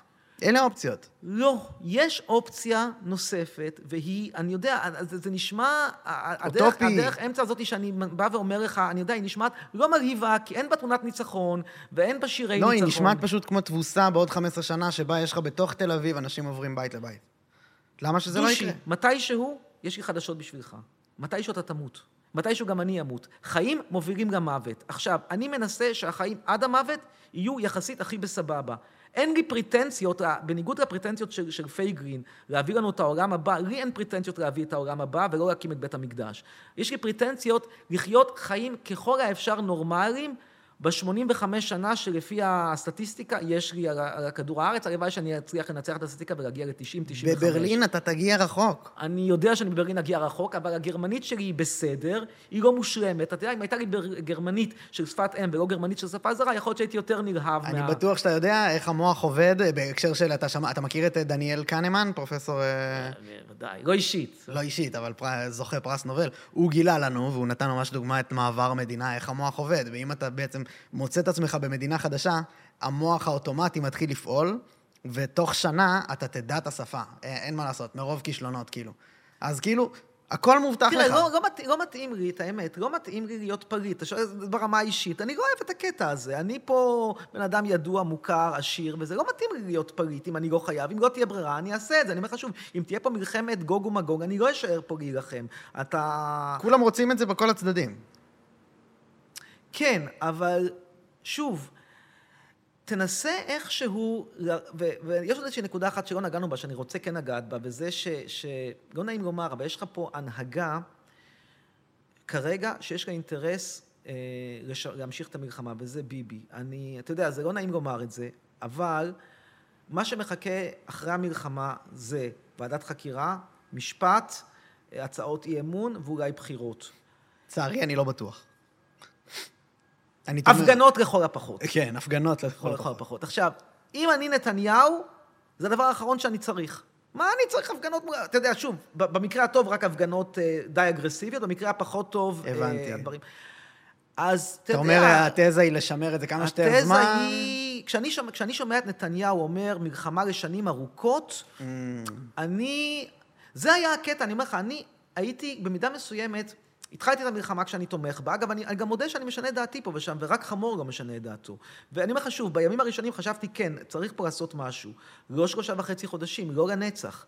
ואז אני ישבתי על הגדר תקופה מסוימת, וברגע שאני שומע את ביבי אומר מלחמה לשנים ארוכות, קודם כל, אני חושד שהוא מדבר מפוזיציה ומאינטרס, אבל גם אם אני חושד בקשרים, ועם נתניהו קשה לדבר בעיניי על קשרים, אבל גם אם אני חושד בקשרים, אני מצטער, זה מחיר שאני לא, לא משלם אותו. לא בכל מחיר. לא בכל מחיר. אתה יודע, אה, צריך שוב להבין את מה שאנחנו יכולים לעשות ומה שאנחנו לא יכולים לעשות.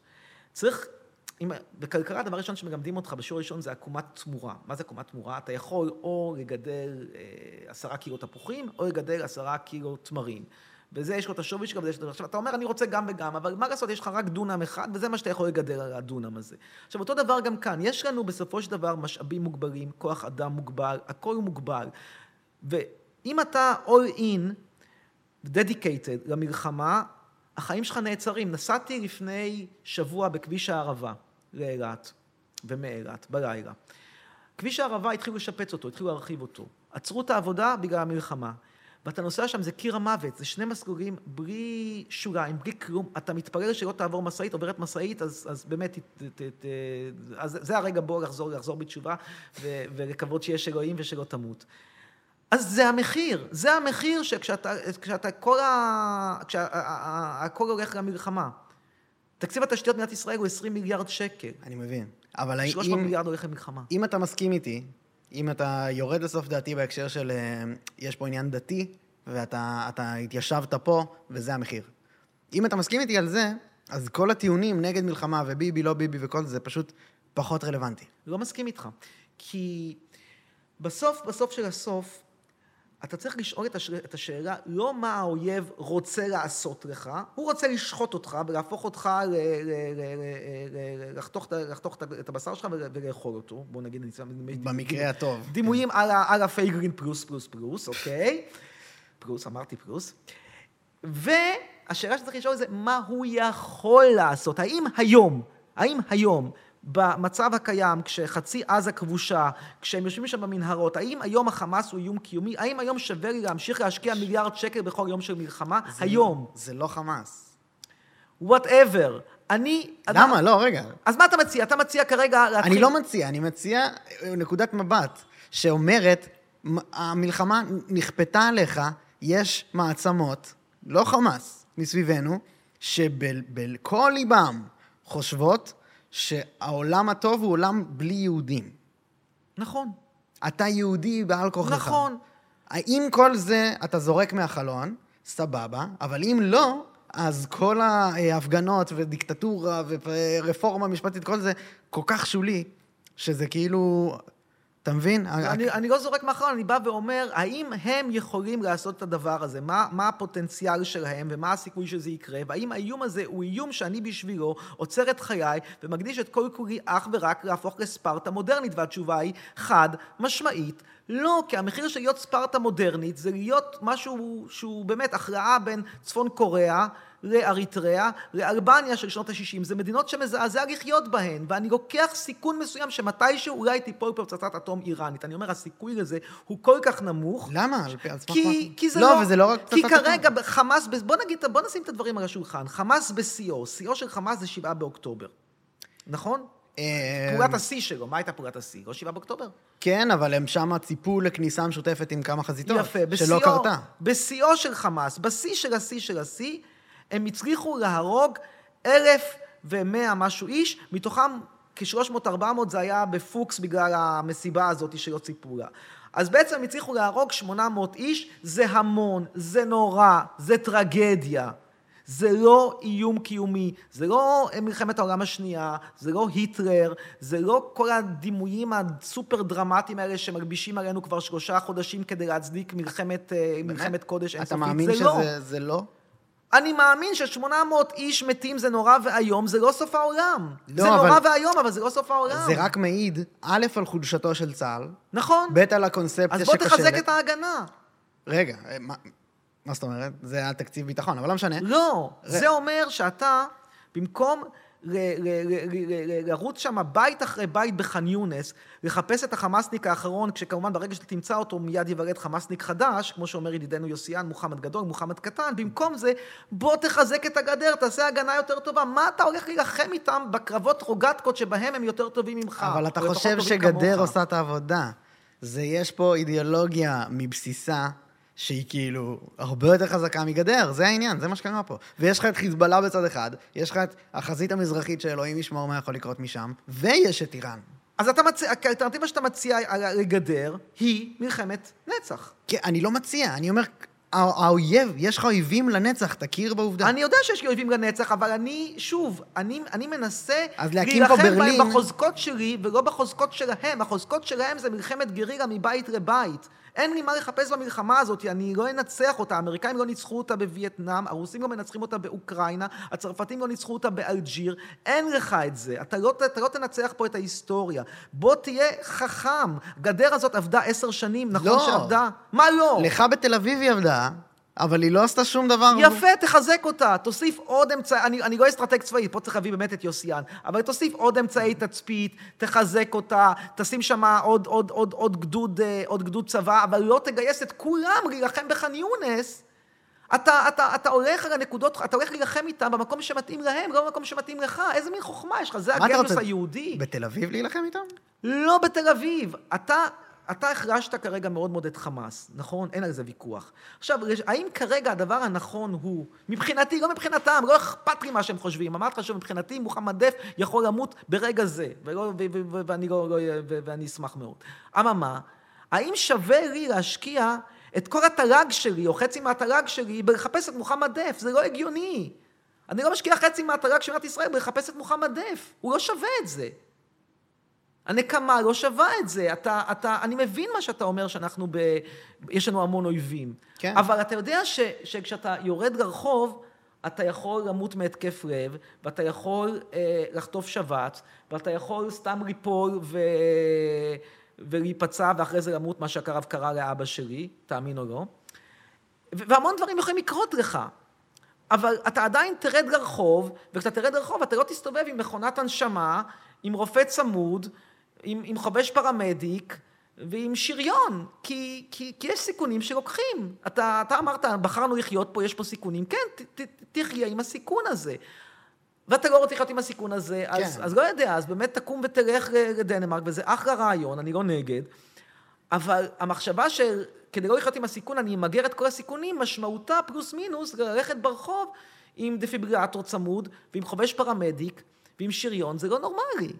אגב, ליטרלית, זה מה שקורה, אנשים פה מסתובבים עם נשק ברחובות, אתה, אתה, אתה, אתה לא קולט עד כמה זה, רק כשאתה עובר, נוסע לאירופה, אתה מבין כמה זה לא נורמלי לראות אנשים מסתובבים עם רובים ברחוב. אגב, זו שיחה מאוד רצינית, לא, אני חושב שאני אני נותן לך פה, ממש, מנסה לתת לך קונטרה. לא, נכנסנו פה, אני, אני, חשוב לי ממש העומק, כאילו, כי... כי... אם יש עוד דברים שאתה רוצה אותם, תגיד לי מה עוד אתה רוצה. אז אני אגיד לך, אה, אה, אוקיי, אז כמה, כמה דברים. דבר ראשון, ממש כאילו חשבתי, אני נורא רציתי לשמוע על, על אתאיזם ודברים כאלה, זה היה לי מעניין. אין בעיה, נדבר על זה. רציתי שכאילו זה, אבל אולי זה כאילו קצת סוטה כבר מהשיחה, אפשר לעשות את זה אולי בפעם אחרת אפילו, אבל...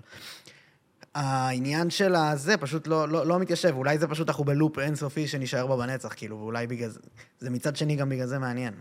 אה, אבל... בלופ, אני, תראה, שנייה. אתה מבין זה... איפה לא נפתר הלופ? אתה מבין איפה אני מרגיש שיש לופ שכאילו... הלופ לא נפתר בזה שאתה בעצם מצפה לרמת ביטחון, במונחים סטטיסטיים, קוראים לזה רווח בר סמך, שלא קיימת. לא. כאילו, אני לא מצפה לזה. זה לא מה שאני אומר.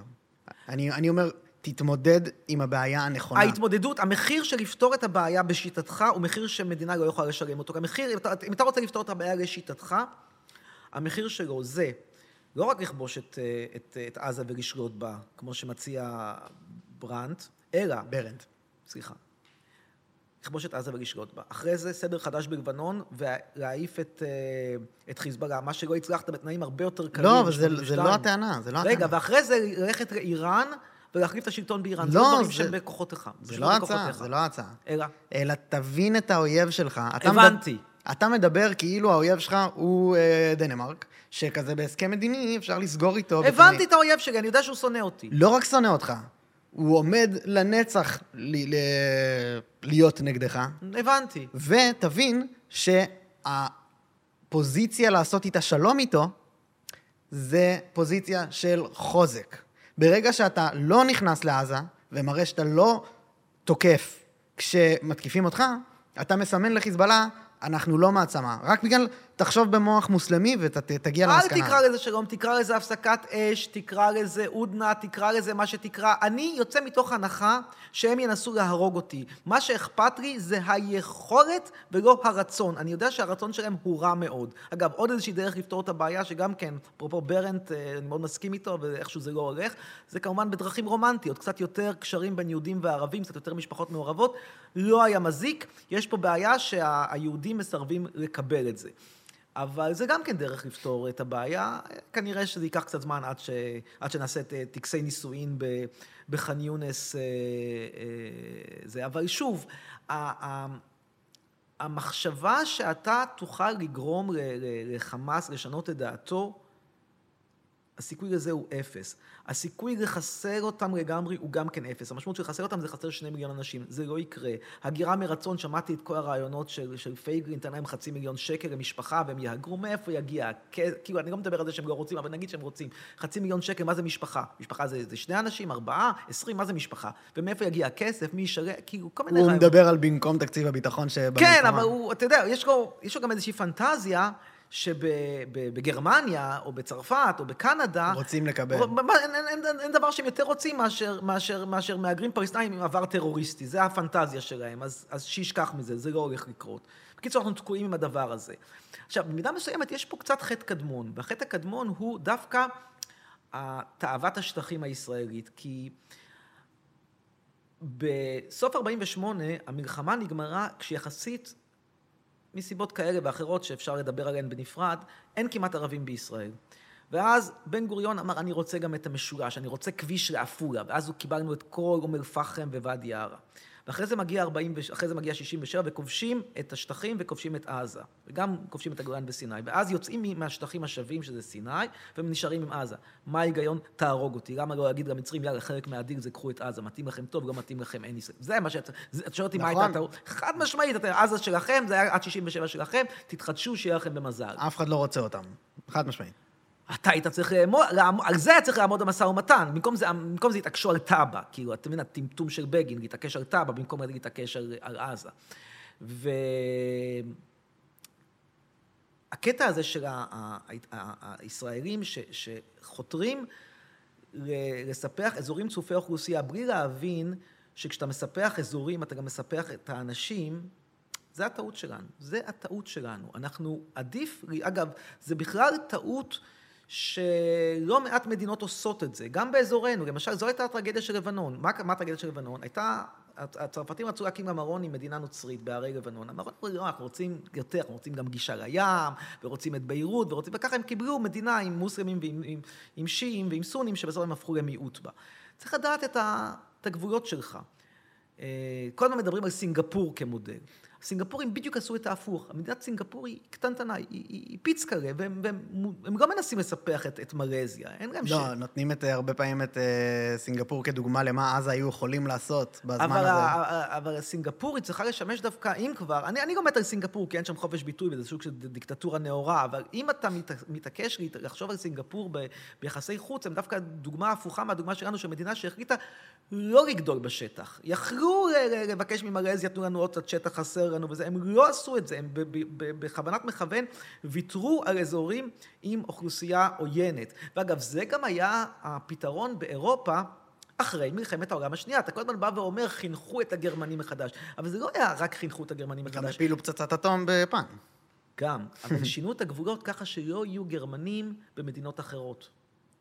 פשוט יצרו מדינות לאום שהן יהיו מופרדות. לא יהיו גרמנים בשטח פולין, לא יהיו פולנים בשטח גרמניה, לא יהיו פולנים בשטח של צ'כיה. כל האנומליה הזאת של, של התנחלויות, הם, הם, הם, הם ביטלו. ההתנחלויות האלה הם, הם במידה רבה מאוד אם כל רע, אם כל חטאת, כי הן מעצבנות את הערבים, בלי שום סיבה. אנחנו לא מרוויחים כלום, כלום אתה לא מרוויח מזה שיש לך שם את מעלה רחבעם ואת אלון מורה. שום דבר. אין שם מחצבים, אין שם כלום, זה, זה רק, רק הוצאות ביטחון. זה מעצבן את הצד השני, וזה מייצר לך אחרי זה חוסר אפשרות או קושי מאוד מאוד גדול להפריד בין אוכלוסיות. אם אתה רוצה משהו אופטימי, יש דבר אחד שאני אופטימי לגביו, ואני רוצה להגיד לך שאני בכל זאת אופטימי. תשמע, כל הזמן אמרו שאי אפשר לפנות חצי מיליון מתנחלים, הם יעשו גוואלד וזה, ואז פתאום אתה רואה שאפשר לפנות מאוד בקלות 150 אלף אה, אנשים בעוטף עזה ובזה, אז אתה יודע מה, וואלה, אפשר גם לפנות את ה- את המישיגנרס באלון מורה. כי... כי, כי הם יהיו, ה... הם, הם הם, לא- יהיו, הם, הם, יהיו, הם יהיו הקונפליקט הבא. ל... אתה יודע, אה, האנשים מהדרום לא פונו, הם יחזרו לבתים. זה קצת שונה. עזוב, זה היה ב... זה... אבל אני תשמע, מבין, העניין- אבל אני העניין- מבין. אבל גם אתה, אגב, אתה כל הזמן אומר קונפליקט דתי, כן. ואתה מאשים רק את הצד הפלסטיני, כאילו, אתה אומר, הם דתיים, הם, אין, אין על מה לדבר. סליחה, הפטיש שיש לך על הר הבית, על קברי צדיק, לא לך אישית, אבל התאווה הישראלית להר הבית, לקבר רחל, לקבר יוסף, היא לא סוג של אה, פטיש דתי. הרי אם אתה בא ואומר, אני רוצה שטחים כי אני רוצה לבנסראום, כמו שהגרמנים אמרו, אני רוצה במזרח עוד שטחים להתיישבות, זה דבר שאני יכול אולי לא להסכים איתו, אבל להתחבר אליו. אבל להגיד שאני רוצה דווקא את הר הבית עם המסגדים שעומדים שם, דווקא הבטונדה הזאתי, בלי שום היגיון, כאילו שטח שלא שווה מבחינה נדל"נית, נדל"נית כלום, דווקא עליו אני נלחם, זה לא קטע דתי? זה כן. נו. אבל אף אחד בשם הדבר הזה לא אונס, לא עורף ראשים, לא חותך לאישת הבטן ו- בהיריון ועורף את הראשים של התינוקות. כאילו, זה, יש עניין עם האסלאם, אני חושב שהמערב לא מבין, הוא מתחיל להתפכח במדינות מסוימות, אתה רואה את זה בהולנד, אתה רואה את זה באנגליה עכשיו לאט לאט, עם הברקסיט שהיה. אה, ובשמאל בישראל לא מבינים את זה גם. אתה שוכח שאתה... האסלאם הוא לא כמו נצרות והוא לא כמו יהדות. תשמע, בדירוג שלי של הדתות, מרע לטוב, האסלאם הוא חד משמעית הכי רע, אחריו באה היהדות, אחריו באה הנצרות קתולית ואורתודוקסית, הכי טובים זה הפרוטסטנטים הלותרנים, הם לא, אין להם שם כלום, זה רק תהיה נחמד, כן. תחסוך כסף. ובודהיזם, ו... אינדואיזם וכל אלה. הם לא מבין בהם. אה, אוקיי, לא, הם מאוד של שלום וזה. אבל ההבדל בין אסלאם ליהדות, קפיצה ענקית, חשוב להבין את זה. אנשים, ככה, תקרא את ספר יהושע, לא להיט, ספר יהושע זה לא להיט בכלל. לא, ברור, אבל אף אחד לא הולך בשם ספר יהושע ועושה מעשים. מה גורם לבן אדם... מקימים התנחלויות בשם ספר יהושע. זה לא לרצוח ולא לאנוס. אתה, שוכ... אתה נכון, אבל אתה אבל... שוכח שאתה הצד החזק. כלומר, אתה נכון, אתה לא... אתה... אם אני שוב, אם אני אהיה רגע אחד האדבוקט של הפלסטינאים לשנייה אחת, אז אני אגיד לך שאתה כישראלי ששולט בשטח לא צריך לרצוח, לאנוס ולשחוט, כי אתה בעצם כבר לוקח את ה... אתה מביא את הצבא שישלוט. אתה חושב שזה מדיני. מוחמד עשה את הדברים האלה, בעצמו. גם יהושע בן נון. הוא לא אנס? לא, הוא רק גירש שבעה עממי כנען. נכון, אני מדבר על האקטים עצמם. זה טוב. זה לא טוב. לא אני לא יודע אם הוא היה קיים, אבל לא, לא, לא, יש גם את... יש כן. רחוב בתל אביב, בצפון הישן. כן, כן. אם ליהושע בן נון יש רחוב בתל אביב, בצפון הישן, כן. לא רחוב בהתנחלות, רחוב בפאקינג תל אביב, כן. משמע שגם אתה די נעול על הקטע הדתי. עכשיו, שוב, אתה בא ואומר לי, הם יותר ממני. וואלה, קונה את זה. הם יותר ממך, מה, נכון. מה גורם לבן אדם להיות, אה, לעזוב את לימודי הרפואה שלו באנגליה? ולהצטרף כן. לתנועה האסלאמית וללכת לאנוס נשים עם דאעש בתימן. כמה כאלה יש? אלפי... כמה כאלה שלמדו רפואה, עזבו את לימודי הרפואה באנגליה והלכו לאנוס נשים בדאעש בתימן? כמה? עשרות אלפים. אני חושב שאתה קצת מגזים בהערכות של המספרים פה. אני, אני לא, אני לא, אני, שוב, אני לא, לא באתי מוכן, איפה שהייתי מוכן עם מספרים, אני אומר לך, אני מוכן. Okay. אבל נראה לי שיש פה הערכה מופרזת של מספר הסטודנטים לרפואה שהצטרפו. אה, של רפואה ספציפית, אולי כנראה אני טועה, ברור. אבל שתלמידים ואנשים אה, שנשבו בקסם של הרעיון האסלאמי והצטרפו, מתוך מדינות מערב, ארה"ב וכל הדברים האלה, עשרות אלפים, אם לא מאות. תראה, אתה רואה את נערי הגבעות. וזה לא להיט, בלשון המעטה זה לא להיט. ושוב, אתה הצד החזק, אל תשכח. אני יודע, אנחנו שוכחים מזה, כי נוח לנו לשכוח מזה, אבל 75 שנה, אתה בעצם עשית להם אה, פקס יזרעאלה. כלומר, אתה כפית עליהם בדרך כזו או אחרת את השלטון שלך. ערביי ישראל, יש להם לפחות שוויון זכויות, על זה אני לא מתווכח, יש, אין פה אפרטהייד. שטחים זה סיפור אחר לגמרי, בשטחים יש לך איזשהו מין לימבו כזה שבו מתנחלים יכולים לעשות הכל והערבים שגרים שם אין להם כלום. ברור שזה לא מצדיק לא לשחוט ולא לא להרוג ולא כלום. זה שגירשת אנשים מאשקלון ב-1950, אגב, בפשע מלחמה, לא מצדיק שהיום אתה, אתה תשחוט אנשים בכפר עזה. לא מצדיק. אבל להגיד לך שאתה לא יכול להבין מה קרה פה, לעשות איזשהו זום אין על 7 באוקטובר, בלי לראות את הדברים באיזשהו קונטקסט רחב יותר, שהוא לא קונטקסט רק של מוחמד והקוראן והסונות, אלא גם קונטקסט של מה לעשות אה, אה, מלחמות ישראל, זה לטעמי הסתכלות לא אובייקטיבית. אמ, אז תקשיב, האם אתה ראית את... אה, אה, אתה מכיר את ביל מאייר? כן. אז הוא אה, מעלה כאלה קטעים כמו... כאילו ליאור שליין עושה כמוהו. הוא מעלה כאלה קטעים של כזה מונולוגים, עומד מול המצלמה, ויש עריכה יפה שהוא נכנס ויוצא ממנה וזה. אז הוא כאילו עשה אחד על, על הפלסטינאים, כאילו. ובאמת, מה שהוא אומר שם זה כאילו, תתקדמו. אמ, אנחנו יודעים, גם אוסטרליה יושבים על אדמה שיש בה כאילו אנשים natives, גם ארצות הברית יושבים על אדמה שיש בה natives, כאילו, וצריך ללמוד גם להפסיד. הפסדתם מלחמה, היה שם מחדלים נוראיים, נכון. בואו נתקדם מזה. שאלה, אני אענה לך בשאלה לשאלה. יש אפילו בדיחה כזאת שאומרת, למה יהודי עונה לשאלה בשאלה, למה שהוא לא יענה לשאלה בשאלה. שאלתי לך היא כזו, למה אתה פנית לבקש דרכון פולני? למה אתה לא מתקדם? תתקדם. הופה. תתקדם. תתקדם, חביבי, תתקדם. לא, זה תודעת החיים על סף תהום שהיהדות חיה. אז גם הם על סף תהום. כן, בגלל זה יש להם את ה-second amendment עם הנשק, שזה מה שקורה. לא, אתה, מדבר על האמריקאים, האמריקאים לא רלוונטיים, הרלוונטיים פה זה הפלסטאים. אתה אומר, הפלסטאים, תתקדמו, הפסדתם, לקחו לכם את הבית, לקחו, לקחו את האדמה, לקחו, גירשו, גירשו, את האזרחות אין יותר, אין יותר, אה, הפכו אתכם לפריטים, יופי, הכל טוב ויפה, תתקדמו. ואני אומר, אתה עצמך, כשאתה בפוזיציה קצת דומה, אתה לא מתקדם, אתה רוצה שהם יתקדמו. זה הצביעות הישראלית הזאת שאני לא, לא מצליח להבין אותה. אנחנו כל הזמן יושבים כזה... לא, לא הבנתי למה, אבל. אני לא, אני לא, לרגע אחד לא בא לבטל את זכותך לקבל דרכון פולני. אני בעדך, אני מוכן לעזור לך אפילו. אבל... לא, להפך, אתה תומך בזה שאני אעשה את זה. כן, אני, אני, אני מוכן לעזור לך, יותר מזה. אבל uh, אני אומר לך שהפנייה שלך לקבלת דרכון פולני היא בעצם בדיוק מה שהפלסטינאים עושים, ואתה אומר להם, תתקדמו. כי מה הם אומרים? הם אומרים, 48 לא נגמר. מבחינתנו 48 עדיין קיים. היה נכבה, מגיע לנו פיצוי, מגיע לנו אדמה, מגיע לנו זה. ואתה בעצם עושה עם פולין בדיוק אותו דבר. אני לא מבין, אבל אתה, אתה עושה פה חיבור קצת כאילו לא מדויק. למה? כי הם לא עברו שואה.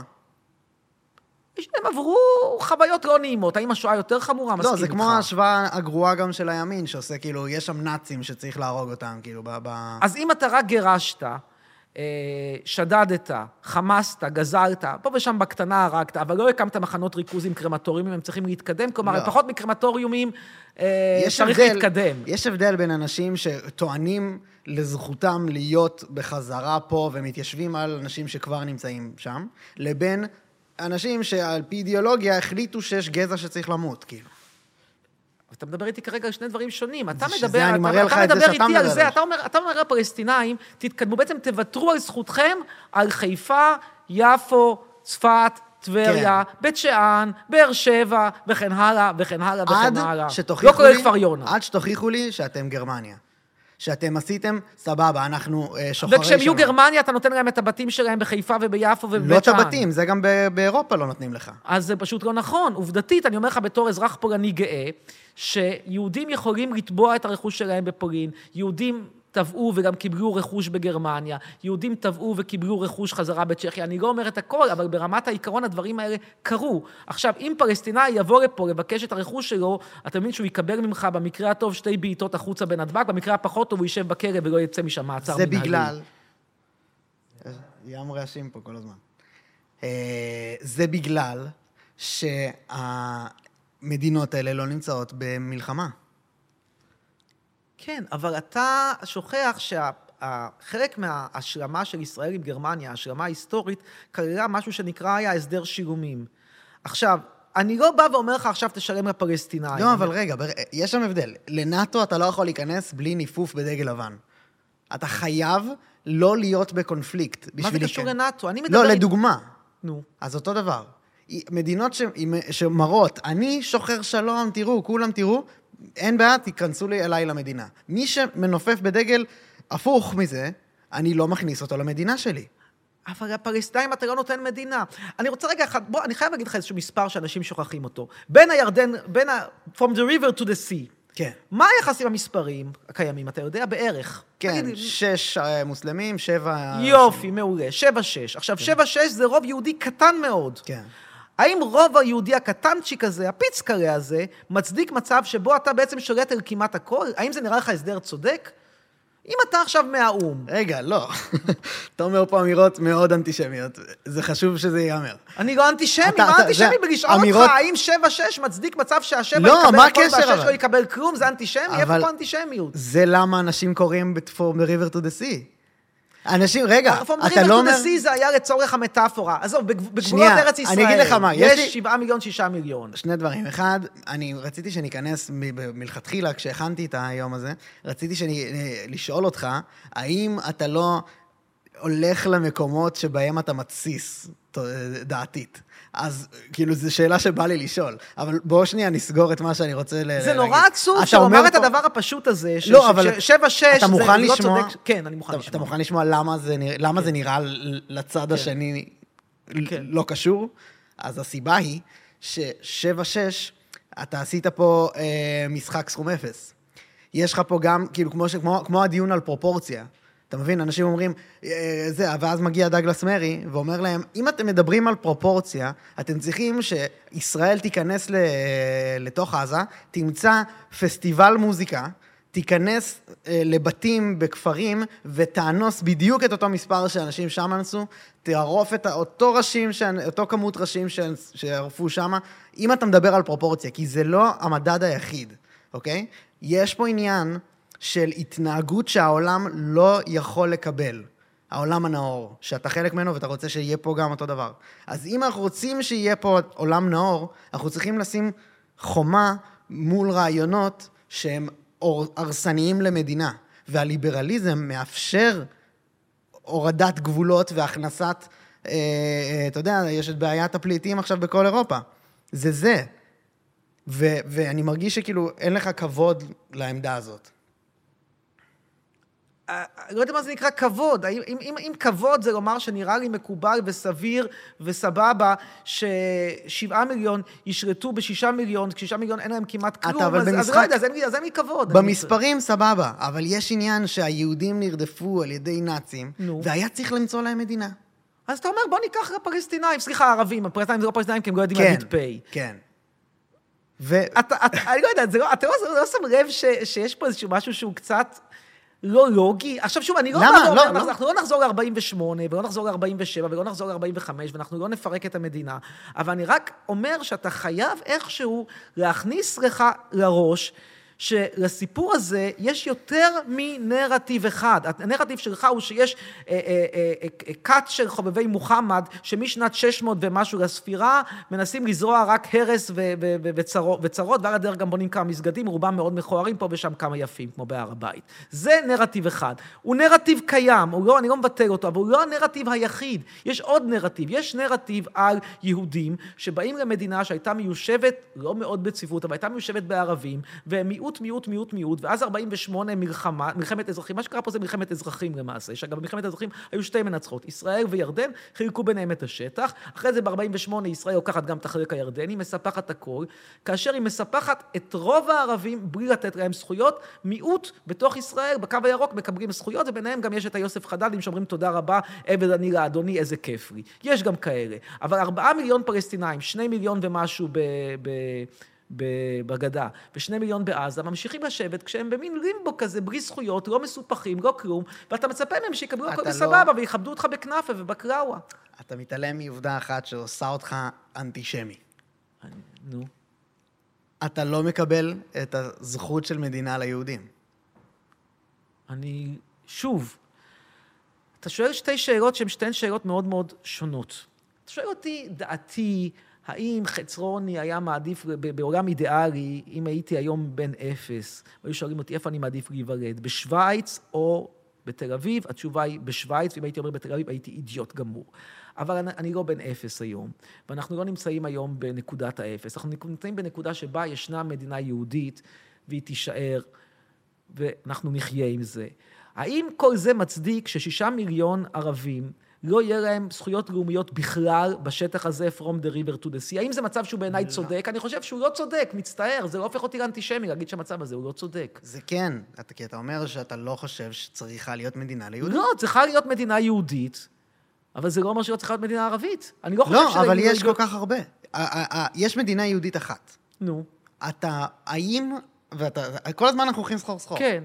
האם אנחנו נכנסים ואומרים את האמת, שאתה חושב שלא כזה big deal, לכו לאירופה. כאילו, אני לא בטוח. זה, זה שבאירופה יותר טוב, זה חוץ לא. למעשה, זה לא הנקודה. האם זה צריך להיות קיים? הנקודה, הנקודה שלנו היא אחרת. שוב, הנקודה היא שאתה בעצם, בדרכים כאלה או אחרות, צודקות יותר, צודקות פחות, תקעת יתד בישראל. אף אחד לא יוציא לך את היתד הזה האם כרגע. זה נכון או לא נכון? נכון מתי?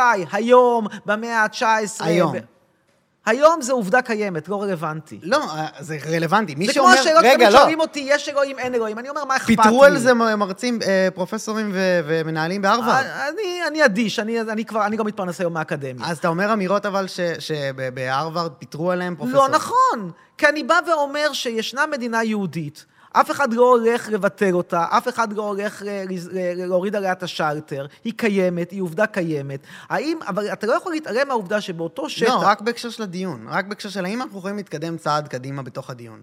ברגע שאתה אומר שאין, שהמדינה הזאת לא נחוצה בכלל. זה למה From the River to the Sea זה קריאה אנטישמית. אבל מה שאני משתמש פה, From the river to the sea, ואגב, המ- המילים האלה, בסופו של דבר עושים להם עוול כשמנסים לקחת אותם למקום של אנטישמיות, שזה לא בהכרח מקום של אנטישמיות, כי, כי המילים האלה הן גם לוקחות אותך למקום שבא ואומר, יש לך פה טריטוריה שבה חיים שני עמים, אני, זה, וזה, וזה, ואתה לא יכול שהעם שלך ישלוט לחלוטין בעם השני, ברוב של איזה 50 ומשהו אחוז, כשהעם השני לא מקבל כלום. זה דבר שהוא לא מתקבל על הדעת. זה שמגיעה לך מדינה, יופי, גם לצד השני מגיעה מדינה. וזה שאתה מתחיל עכשיו לתת לי כל מיני סיבות מהאסלאם וממוחמד, למה למדינה, למה לפלסטינים לא מגיעה מדינה, סורי, זה לא משכנע אותי. מגיעה לך מדינה, כן, אבל למה אתה צריך לשלוט בחברון, ולמה אתה צריך לשלוט בעזה, ולמה אתה פשוט צריך... אין דרך להתדיין בתוך עולם שבו אנחנו לא מסכימים על הדבר הספציפי. שאתה אמור לשלוט גם בחברון ובעזה? לא, שצריכה להיות מדינה בכלל. נגיד שצריכה להיות מדינה, הלאה. או, אם אתה על זה מסכים, אז אנחנו במרחב הלא אנטישמי, ואז אפשר להתדיין. אגב, אני לא, מס... אני לא מסכים איתך על זה. אני אגיד לך למה אני לא מסכים איתך על זה. כי תראה, אפשר לומר שהיהדות היא דת, וישנו, ו, ו, ועל יד זה להתווכח האם לדת מגיעה מדינה, ואני לא רוצה לומר איזשהו משהו קשה, אני אגיד עכשיו משהו מאוד קשה, התכונן למשהו קשה. כן. המדינות שמגדירות עצמן על פי הדת הן מדינות שאתה לא רוצה להיות כמוהן. זה הרפובליקה האסלאמית של איראן, הרפובליקה האסלאמית של פקיסטן והרפובליקה האסלאמית של סעודיה. אלו המדינות היחידות בעולם שמגדירות עצמן על פי דתן. זה לא מקומות שאתה רוצה להיות בהם. אבל זה לא משנה, כי עובדתית גמרנו, ישנה מדינת ישראל, ישנה פה דומיננטיות יהודית, עם זה אנחנו נחיה. זה לא הולכים לשנות את זה. עכשיו, זה שהדבר הזה קיים, לא בא ואומר שזה מצדיק מצב שבו אתה... ת, תהיה בעצם בסוג של אה, שלטון על עם זר. שוב, יש פה עוד עם, מה לעשות, והוא פחות או יותר מאורגן בשטחים מסוימים, והדעת נותנת שצריך איכשהו לתת לו משהו, ואתה לא, איכשהו לא רגע, מקבל את זה, ואתה כי אתה אומר שאני אנטישמי. כן, נו, איך, בסדר. איך שכנעת אותי שאתה לא? כי אני לא... כן, אני לא אנטישמי פשוט. מה, מה פה לא, אנטישמיות? מה, לי- מה אתה שמעת אותי אומר משהו אמרת משנאת שכ- יהודי? מה, איפה פה כן, אנטישמיות? כן. למה?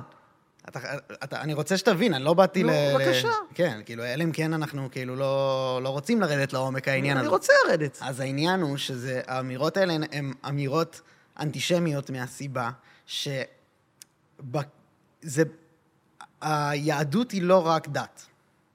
היהדות היא גם אה, הדם שלך. בשונה מנצרות, בשונה מאולי אסלאם יכולים להיות באיזשהו אופן כאלה, למרות שאני לא חושב שזה בדיוק אותו דבר. יהדות היא, היא, היא לאום, ויש שנאה בעולם כלפי הלאום הזה. השנאה הזאת משמיעה קולות שאומרים, הם לא צריכים מדינה, אוקיי? זה הבשורה שפייגלין מדבר עליה, הוא שאנחנו נוצצים לשלילה ולחיוב. אנשים מסתכלים עלינו ואומרים, הם סתם, ואנשים מסתכלים עלינו ואומרים, הם השראה, אוקיי? וזה אתה, אתה ואני בתוך זה, בין אם אנחנו רוצים ובין אם לא. וקריאות שאומרות, הקבוצה הזאת לא צריכה מדינה, הן קריאות שמבטלות את החלק הזה בך. והאנטישמיות מופנית אליך מהסיבה הזאת בדיוק. אוקיי, עכשיו תשובתי. קודם כל, אה, ברגע שאתה למשל רואה עולים שמגיעים לישראל ממדינות שונות, השאלה שאתה יכול לשאול את עצמך זה האם הם יותר דומים לי או יותר דומים לאנשים, למדינות שמהם הן, הן באו. אם אני לוקח נגיד את המשפחה שלי לדוגמה, יש לי צד של אבא ויש לי צד של אימא. הצד של האבא, אני חייב להודות על האמת, היה יחסית יותר יהודי. כלומר, אה, היה בו... אה, רואים בו, רואים בו את, ה, את היהדותיות, זאת אומרת, הם היו יותר שטטר, הם היו אה, יותר אה, קרובים לתרבות היהודית וכן הלאה. מהצד של האימא, מה שאני רואה זה, לא נעים לומר, אנשים גרמנים שהגיעו לפה כי, כי זו הייתה הוויזה שהם קיבלו. סבא שלי, ברמה של ההיסטוריה המשפחתית, למד בבלגיה, הנדסה, רצה אחרי, אחרי שלמד, רצה לקבל ולהישאר שם לעבוד, ויזת עבודה, לא נתנו לו, הלך על ארץ ישראל, כי האלטרנטיבה הייתה לחזור לבסרביה, שזה לא להיט כזה גדול. אה, מהצד של הסבתא, הם היו גרמנים, דיברו גרמנית, אפילו הסידורי תפילה שלהם היו בגרמנית, ניסו את מזלם באוסטריה, המזל לא שיחק, עברו לארץ ישראל. זאת אומרת, בסופו של דבר, ואני זוכר את, את, את, את, את, את, ה, את הסבא וסבתא שלי בתור אנשים שבאמת השפה, שפת האם שהם דיברו, הייתה גרמנית, לא יידיש, ודאי לא עברית, אז ככה ש... לכן אני גם מדבר קצת גרמנית, ולכן אני, אני, אני בא ואומר, הרבה פעמים אתה רואה אצל יהודים רוסים, לדוגמה, שהם הרבה יותר דומים לרוסים מאשר ליהודים ממרוקו, וכן הלאה. עכשיו, אחרי שאמרתי את כל הדברים האלה, אני, אני אומר דבר יותר חשוב, והוא שהשאלה שאתה שואל ברמה הפרקטית, לדעתי, היא לא חשובה, כי אין אף אחד נורמלי בעולם היום, לפחות אני לא נמצא שם, שיבוא ואומר בוא נחסל את מדינת ישראל. גם אם היסטורית היה אולי עדיף לעשות איתה ככה או אחרת, או להקים אותה פה, היא עובדה קיימת, נקודה. עכשיו, זה שהיא עובדה קיימת, עדיין לא בא ואומר שאנחנו צריכים להיות עם, עם מיעוט של 40 ומשהו אחוזים ערבים, שרובם חסרי זכויות. סורי, זה לא דבר שעולה בקנה אחד, ואין בזה שום דבר אנטישמי. לומר ש, ש, שלהשאיר 40 ומשהו אחוזים ערבים עם זכויות מופחתות, זה דבר סביר. אתה- זה אתה- לא אתה- אנטישמי. אתה צריך להבין פשוט שזה זה, זה כן. פשוט מהסיבה שרק בתוך, באיזה דיון אנחנו נמצאים. דיון שבו אנחנו מכילים את מדינת ישראל על העולם, או דיון שבו אנחנו אומרים, לא כזה חשוב. תראה. ב- בוא ניקח את ירושלים כדוגמה, אוקיי? בירושלים, יר- מזרח ירושלים סופחה, להבדיל מאגדה שלא סופחה, מזרח ירושלים סופחה.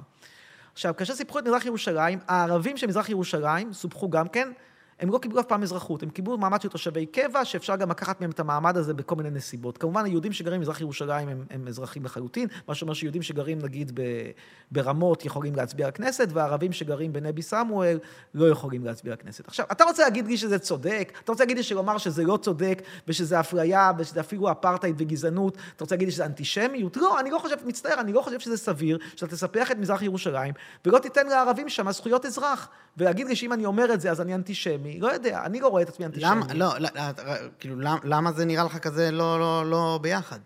כי כאילו, ברגע שאתה אומר, היהודים לא צריכים מדינה, יש עניין של ניצחנו, זה משם התחלנו, אתה, רגע, אתה, אתה משם סיפחת, הגענו לפה. אבל, סיפ... אבל להחזיק, להחזיק, להחזיק ערבים במזרח ירושלים, אותה סיפחת, סיפחת בחוק, לא דה פקטו, דה יורה, סיפחת את מזרח ירושלים. יושבים שם כמה מאות אלפי ערבים, ואין להם זכויות אזרח, זה משהו שהוא לא נורמלי. זה משהו שהוא לא צודק, זה משהו שהוא אפרטהייד. סורי, אני, אני, אני, אני אנטישמי כשאני אומר לך שזה אפרטהייד. כן. אני.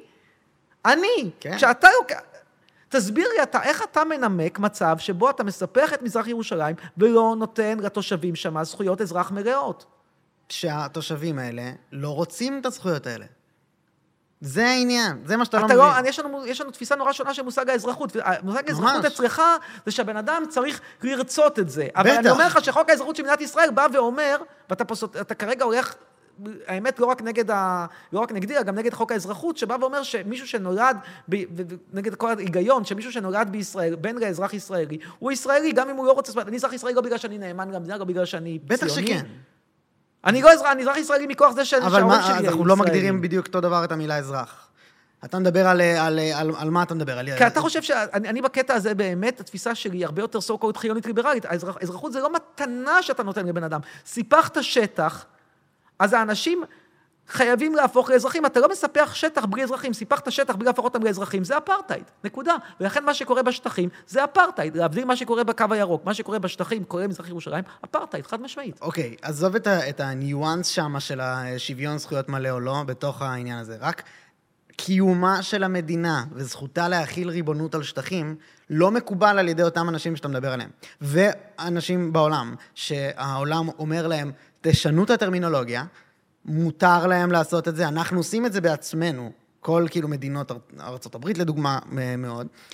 אנחנו התיישבנו פה, ויש מפסידים בהתיישבות הזאת שלנו, והם ברצונם או לא ברצונם קיבלו את זה, קיבלו את מרותנו. פה לא מוכנים לקבל. אז על זה אני עונה לך שני דברים. קודם כל, מה זה נקרא זכותנו להכיל את ריבונותנו? עד גבול מסוים. כלומר, אם אתה בא ואומר, אני רוצה להכיל את ריבונותי על תל אביב, אני חושב שיש על זה קונצנזוס בעולם. גם פה אתה זה רוצה כפר להכיל את של ערבים. ריבונותך על מזר- על מערב ירושלים, קונצנזוס כמעט מלא. לא מוחלט, אבל כמעט מלא. אתה מתחיל להגיע לשטחים, כמובן אין קונצנזוס. עכשיו אתה בא ואומר, אני רוצה אולי להכיל את ריבונותי, בא לי לכבוש נגיד את הגלעד. כן. למה שהיה שם את יפתח הגלעדי, אני זוכר אותו לטובה, אהבתי אותו. אז אני רוצה, אתה מצפה שייתנו לך אור ירוק להכיל את ריבונותך על עיר ביט, כי בא לך לכבוש את זה? אני לא אתן לך לזה אור ירוק. זה נקודה ראשונה. אוקיי. ו... אה, נקודה שנייה, זה שאתה צריך פה ל- ל- ל- לעשות את ההבחנה בין להכיל את הריבונות, שזה אולי ייתנו לך אור ירוק, אבל בד בבד יגידו לך, אדוני היקר, הכלת את הריבונות, אז יש לך חובות מסוימים כלפי האוכלוסייה, אתה לא יכול להפוך אותם לאזרחים סוג ב', ש- שזכותם העיקרית זה לעבוד פה בבניין... אה, למה לא עד שהם מוכיחים את עצמם? מה זאת אומרת? אתה רוצה כאילו, כל מדינה הייתה מאבדת את ההיאחזות שלה בא- באותו שטח שהיא כבשה כשהיום היא שמה, אם היא הייתה נותנת לאזרחים המקומיים את השוויון עד שהם לא מוכיחים להם שהם נאמנים אליה. מה זאת אומרת? כאילו, ברור. אני, אענה לך עכשיו את מה שאמר פעם אהוד ברק בריאיון מאוד מאוד מפורסם. לא נעים לומר, אבל כשאני שומע דברים כאלה, אם אני הייתי פלסטינאי, עכשיו מצטט אהוד ברק, אני לא מדבר בשם עצמי, שאלו אותו פעם, מה היית עושה אם היית פלסטינאי? הוא אומר, אני הייתי נהיית כנראה טרוריסט. תשמע, אתה, אתה בא ואומר, אני אספח אותך, אתה לא תקבל שום זכות, הזכות שלך תהיה לעבוד עד בבניין שלא. תמורת... רגע, תמורת נתתי- תשלום. זה לא מה זה פייר. עד שלא? הוא לא חייב לך כלום, הוא אזרח, אתה לא קולט מה זה אזרחות, אתה, אתה תופס אזרחות במובן של הצדעה לכתר, אזרחות זה לא הצדעה לכתר, אזרחות זו זכות יסוד שאתה נולד איתה. למה הצדעה לכתר אה, היא לא, אנחנו לא, אנחנו לא מסכימים עליה, אני לא מבין למה. הצדעה לכתר זה לא באמת בפועל הצדעה, זה אני לא עומד להרוג אתכם. למה שמישהו ייתן לי אזרחות אם הוא חוש... רוצה להרוג אותי? תראה, הוא כמיעוט, אם אתה, ברגע שאתה מספח הפוך. אותו, והוא הופך למיעוט, מיעוט גדול יחסית, שיהיה לך ברור שהוא, וזו זכותו המלאה, יהיה לנהל פה אה, קמפיינים ומדיניות, לשנות את דמותה של מדינת ישראל. הוא. אזרח, זו זכותו. זכותו, אתה, אתה, אתה רוצה שיהיו לך פה 40 אחוז ערבים, תצפה למפלגות אנטי-ציוניות שיהוו 40 אחוז בפרלמנט, ויהיה זכות לנסות לשנות את דמותה של מדינת ישראל. אני חושב שזה לא כדאי לך, זה עסק רע מאוד, אבל זו זכותו המלאה, ואחרת אתה פשוט לא משחק את המשחק הדמוקרטי, אחרת אתה רוצה להיות סוג של אה, דיקטטורה. אה, בסגנון אפרטהייד, זה משהו שבעולמנו לא עובר, אולי, לא יודע, אולי זה, זה הולך טוב ב, במפרץ הפרסי, אבל בעולמנו זה לא, לא עובר. כן, אני יודע שבאמירויות יש שם המון המון אה, עובדים זרים שהם לעולם לא יהיו אזרחים. זה לא עובד, אתה רוצה, אתה רוצה להיות, אה, אתה רוצה להיות מאיתנו סוג של, של מדינה, לא, נאמר, לא נעים לומר, מדינה ערבית דוברת עברית. אני, במה שאני אומר עכשיו? זאת ההצעה שלך. אני חושב שזה זה, זה, זה התגובה שלך לזה שאני אומר שהאמירות שלך הן אה, אנטישמיות. לא, אני אומר לך שה... אני לא, אני לא בפועל אומר את זה. תבין, תבין, ב- ב- כש- כשבאירופה, אם אתה נגיד מתאזרח, נגיד שאתה פלסטינאי או, או, או, או פקיסטני או טורקי או whatever שמתאזרח, אף אחד לא, לא, לא, לא דורש ממך, תמורת ההתאזרחות, שאתה תפסיק להיות איסלאמיסט, או שאתה תשנה את דעתך על, על uh, תפיסת עולמך, או תשנה את סגנון לבושך. למה לא? בטח שכן. זה לא עובד ככה. בטח לא שכן. ככה. רגע, לא, לא, אני לא יכול...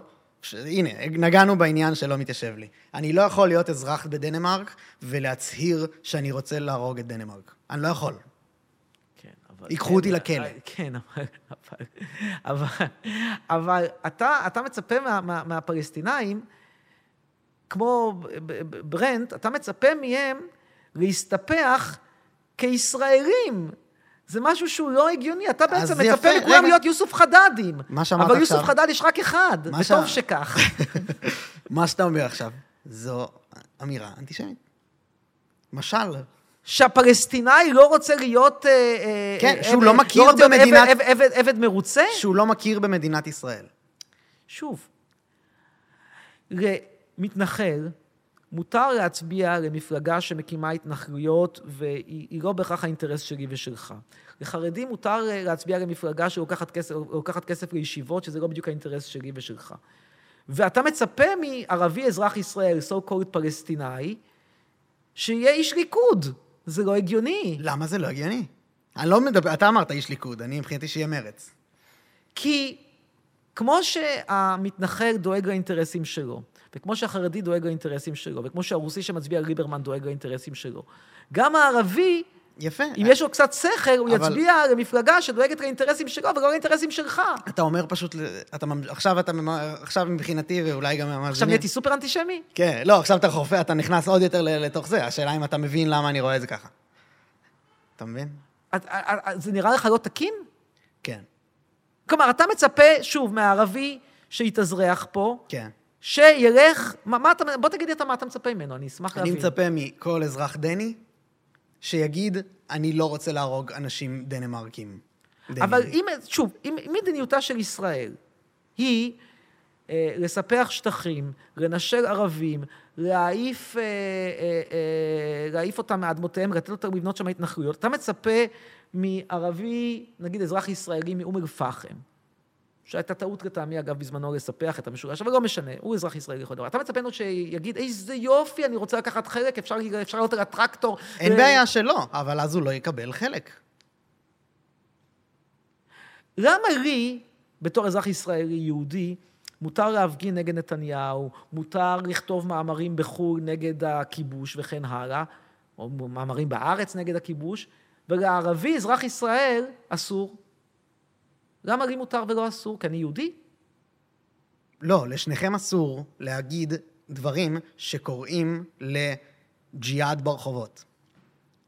לא יודע מה זה ג'יהאד ברחובות, אבל האם מותר לי לשיטתך... זה אנשים בכנסת עושים. ל- ה- אתה יודע, פעם יותר. האם לשיטתך, אגיד דבר שהוא אקטואלי. תראה, אני חושב שהתביעה בהאג נגד ישראל היא, היא לא מוצדקת, כי היא, בגלל חוזר, אז היו שם פשעי מלחמה, אין שם genocide בג, ב, ב, בעזה, וה... אה, יש התעלמות לגמרי ממה שעשה חמאס. אבל אני כן חושב שאם יקרה משהו כתוצאה מהתביעה הזאת, יכול להיות שאנחנו איכשהו נרוויח בצורה עקיפה, וזה שפשוט יעצרו את ה... אני, אני אמרתי לך, נתניהו הולך למלחמת נצח, ויכול להיות, אם, אם, אם הדרך היחידה לעצור את מלחמת הנצח זה בהאג, אז let it be דרך האג, למרות שאני לא אוהב את התביעה ולא אוהב את דרום אפריקה. עכשיו, את זה מותר לי לומר, ולטעמך לערבי אסור לומר? לא, ודאי שמותר מותר לי לומר. לבקר את ההתנהלות של המדינה. אסור to undermine it. מה זה אנדרמיין? אני לא יודע מה זה אנדרמיין. להגיד. אנדרמיין זה הגדרה מאוד סובייקטיבית. מה זה אנדרמיין? אנדר, לא, undermine זה ממש, יש הנחות יסוד, חוקה למדינה. אין אני לה- חושב אין- שחוק השבות הוא חוק גזעני, אוקיי? כן. זו דעתי. מותר לי לומר אותה? אותה ספציפית, כן. יופי. האם לדעתך, האם אתה נגד עצם קיומה של המדינה היהודית? לא. אתה לא נגד. אני בתוך לא ה- נגד, למרות ששוב, אם היינו היום צעירים יותר, ב-75 שנה, כנראה שהייתי כן. פשוט- ממליץ על אופציות אחרות, אבל היא קיימת. בשביל שתבין את אופן הדיון, אם אני במגרש שלך, מדבר כאילו איתך, אתה לא תקשיב לי מרגע שאמרתי חיי אדם לא חשובים. אבל שוב, חרף זה שאני אמרתי כל, ש, שאני לא, לא נגד קיומה של המדינה, אני לא הולך להתאבד בשבילה. אני לא הולך להתנדב למילואים בשבילה. עזוב, זה, זה... אה, אה, וכנראה שגם אתה, אם אתה יושב פה איתי. בדיוק. לא, וזה בסדר. אני חושב שזה בסדר, זה זכותו של כל אחד. אני לא אומר בשום צורה שאני תומך בהשמדה של יהודים או אנשים במדינה. From the river to the sea, או כאילו כמדינה, כ... כ... כ... כ... כ... אה, אתה יודע, איך אומרים? ישות. ישות, כישות. אתה לוקח את ה-From the river to the sea, אתה... תשמע, זה, זה, הרי כל אחד לוקח ב- ב- בדיבייט את המילים שמתאימות לו, וה-From the river to the sea, אה, זה התחרז להם יפה, זה נשמע מוזיקלי, ואתה, ואתה מצאת פה את, ה, את הלקונה שנוח לך לעלות עליה. ואני אומר לך, עזוב את הקטע הזה, אני, בהנחה ש-From the river to the sea, זה מדבר על זה שלפלסטינאים מגיעות זכויות, ושאתה לא יכול לשבת בגדה כשיש לך מתנחלים עם זכויות ופלסטינאים בלי זכויות. זה טיעון ש- שמקובל עליך לדבר עליו, או שגם זה אסור לדבר אפשר עליו? לדבר עליו. אם אתה אומר, מבסיס, אני בא לת... לדיון הזה כשטענת המדינה היהודית מוכלת. כן, אבל יחד עם זאת, אני אומר לך שוב, חייבת לקום מדינה פלסטינאית. בלי שתקום פה מדינה לערבים, פלסטינאים, ערבים, קרא להם איך שתקרא להם, לא אכפת לי איך שתקרא להם. בלי שאתה ת, כי, כי, תיתן להם מדינה, זה לא צודק, ואני אגיד לך אז למה זה לא אבל צודק. הצד הזה כי לא המיעוט הזה הוא גדול מדי. הצד הזה יכול- אומר- תראה, הם לא מדינות- רוצים מדינה, בוא, הם לא... אתה, שני- אתה שנייה- עושה פה אבל משהו כאילו של תראה. שנייה אחת, שיעור, שיעור, שיעור קצר, ב, שיעור, שיעור קצר ב, ב, בלאומיות. תראה, המדינות שהן בדרך כלל הכי משגשגות, למעט, יש כמה חריגים, שזה ארצות הברית, קנדה, אוסטרליה. אוסטרליה, אגב, היא, לא, היא, היא מקרה גבולי, כי היא גם כן עדיין מדינה הרבה יותר הומוגנית, אבל למעט שתי המדינות הגירה, ארצות הברית, קנדה, זה בדרך כלל מדינות מאוד מאוד הומוגניות. זה הסקנדינביות, זה גרמניה, ששוב, יש שם עכשיו בעיה של פליטים, אבל בגדול, גרמניה, אחרי, אחרי מלחמת העולם השנייה, היא הייתה מדינה כמעט נטולת מיעוטים. אותו דבר צרפת, אותו דבר אנגליה. זה, זה מדינות ש, ש, שהן מדינות עם, עם אחוז מיעוטים קטן. מדינות עם אחוז מיעוטים גדול, יש להן בעיה. אם זה במזרח התיכון, כמו לבנון, זה נגמר בברדק. אם זה באירופה, בלגיה סתם נגמר בשיתוק. עכשיו, זה לא אינטרס שלנו להיות עם מיעוט ערבי של 40 ומשהו אחוז. זה גם לא אינטרס שלהם, זה מקרה קלאסי שצריך להיגמר בגירושין. עכשיו, אפשר להתווכח על תנאי הגירושין. אני חושב שבשבע, ברוב של 50 ומשהו אחוז, 7 מיליון מול 6 מיליון, מגיע להם יחסית די הרבה. אני חושב שלתת להם את אה, אה, שלוש, כמו שמציע נגיד אה, מרדכי קידר, לתת להם אה, חמש ערים בגדה ולהגיד וואלה, תתחדשו, תפאדלו, זה לא צודק, זה לא הגיוני, זה לא הצעה שאני הייתי מקבל אותה. איפה הגבול צריך בדיוק לעבור? אבל אתה מדבר בשפה הזאת, בצד השני לא מדברים בשפה הזאת. פשוט לא מדברים ככה. אף אחד לא רוצה שם הסכם, הם לא רוצים, הם רוצים את, את תל אביב. שוב, אתה שוכח שבמהלך 75, 76 שנות קיומה של המדינה, אתה גם כן לא בדיוק תמיד דיברת בשפה הזו. אתה רוצה שכמה אני אזכיר לך כמה, כמה מקרים שאתה לא דיברת בשפה הזו? בוא אני אזכיר לך, אני אזכיר לך, ולצופים שלנו. מ-48 עד 66, 18 שנה, ארוכות, ארוכות, ארוכות, ארוכות, היה בישראל משטר צבאי ביישובים הערביים. משטר צבאי לא, ב... לא בשטחים, באום אל-פחם, בכפר קאסם, בג'לג'וליה, וכן הלאה וכן הלאה. הלאה. חוק נכסי נפקדים. מכיר את חוק נכסי נפקדים? אז בוא אני אזכיר לך את חוק נכסי נפקדים. חוק נכסי נפקדים אומר דבר נורא נורא פשוט. מי שלא היה על אדמתו בתאריך מסוים ב-48, איבד. וואלה, הלך למדינה. תתקדמו. עכשיו, זה יצר מצב שבו ערבים, חלקם גם כאלה ש, ש, שהיו בתוך ישראל, אבל נגיד היו בכפר אחר, או ברחו וחזרו, ווטאבר, איבדו את כל הרכוש. הלך, הלך, היה ואין. אקרית ובירעם. Mm-hmm. אותה הפצצה שהייתה של חיזבאללה, על הכנסייה באקרית. למה הכנסייה באקרית עומדת לה לבד? עומדת כנסייה והכפר איננו. למה אין כפר באקרית? הכפר באקרית איננו, כי אמרו להם, תתפנו לשבוע, אנחנו גומרים את המלחמה. ושבוע הפך להיות ל-76 שנה. יש אגב פסק דין של בג"ץ שאומר שהם צריכים לחזור, אבל מדינת ישראל לא החזירה אותם. ואולי הדוגמה הכי אקטואלית לימינו, אשקלון. מתי גורשו ערביי אשקלון? לא 47? לא, 50. Mm. וזה אגב מתועד בספרות בעברית, בעיתון הארץ, זה לא, כאילו בזמן ההוא, לא הסתירו אפילו, ש, שוב, היו הרבה שברחו ב-48, כן, זה טענה, זה... זה טענה למה? כל, ה, כל, ה, כל הדוגמאות. כל הדוגמאות האלה באות ואומרות שאתה טוען לי כאן, אנחנו כל הזמן הצענו להם, בואו נתחלק, בואו נשב, אה. אני אומר לך, בחייאת.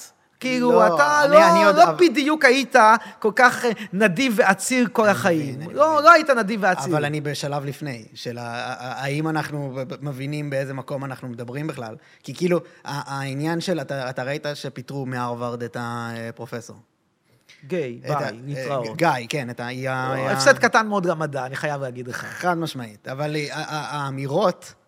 באותו דיון בקונגרס, שעליו היה כל העליהום התקשורתי בעקבותיו, היה שהם אמרו, the call for genocide of Jews is dependent on context. תשמע. אתה אומר את זה.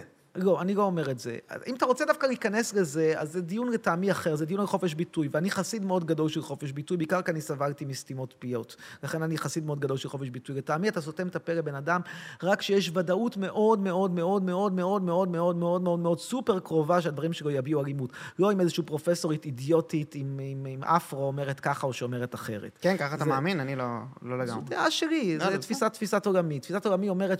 כי אין, אין, אה, זה מדרון חלקלק, אין לזה כמעט גבול. היום אתה סותם את הפה על, על, על אמירה, על, על ג'נוסייד, מחר אתה סותם... תשמע, אחת הסיבות שאני שיניתי את עמדתי במהלך המלחמה, על, אה, הייתי הרבה יותר פרו-ישראלי בהתחלה, זה שאני ראיתי איך המיליציות של בן גביר סותמות את הפה למי שמעזים להתנגד למלחמה. אה, המקרה אולי הכי קוריאה היה מקרה של אה, דוקטור ברוכין, מורה לאזרחות בבית ספר בגבעתיים, הוא העלה בפייסבוק תמונות של ילדים בעזה, הוא אמר חבל כן. הילדים. זה לא תמיכה בחמאס, זה לא אפילו התנגדות למלחמה, זה לא...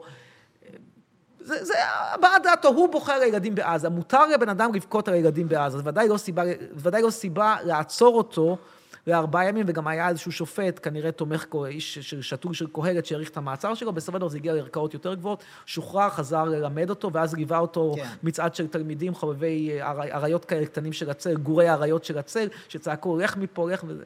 כן. שמע... מה שאתה אומר זה שזה תלוי בקונטקסט. לא, מה שאני בא ואומר זה שחופש הביטוי הוא בעיניי נורא נורא חשוב, כי אין לזה סוף. אתה מתחיל בלסתום את הפה ל- למישהו שמדבר על על ג'נוסייד כאופציה, ואתה גומר בלסתום את הפה ולהחשיך אחרי מעצר מישהו שמעז להעלות תמונות של ילדים מעזה. להעלות תמונות של ילדים בעזה, סורי, זה לגיטימי לדעתי, אני חושב שגם לדעתך. כל עוד... לא, זה לא, יודע, שוב, אתה אולי בוכה עליהם פחות, מותר לך לבכות עליהם פחות, אבל מותר גם לא לבכות עליהם יותר.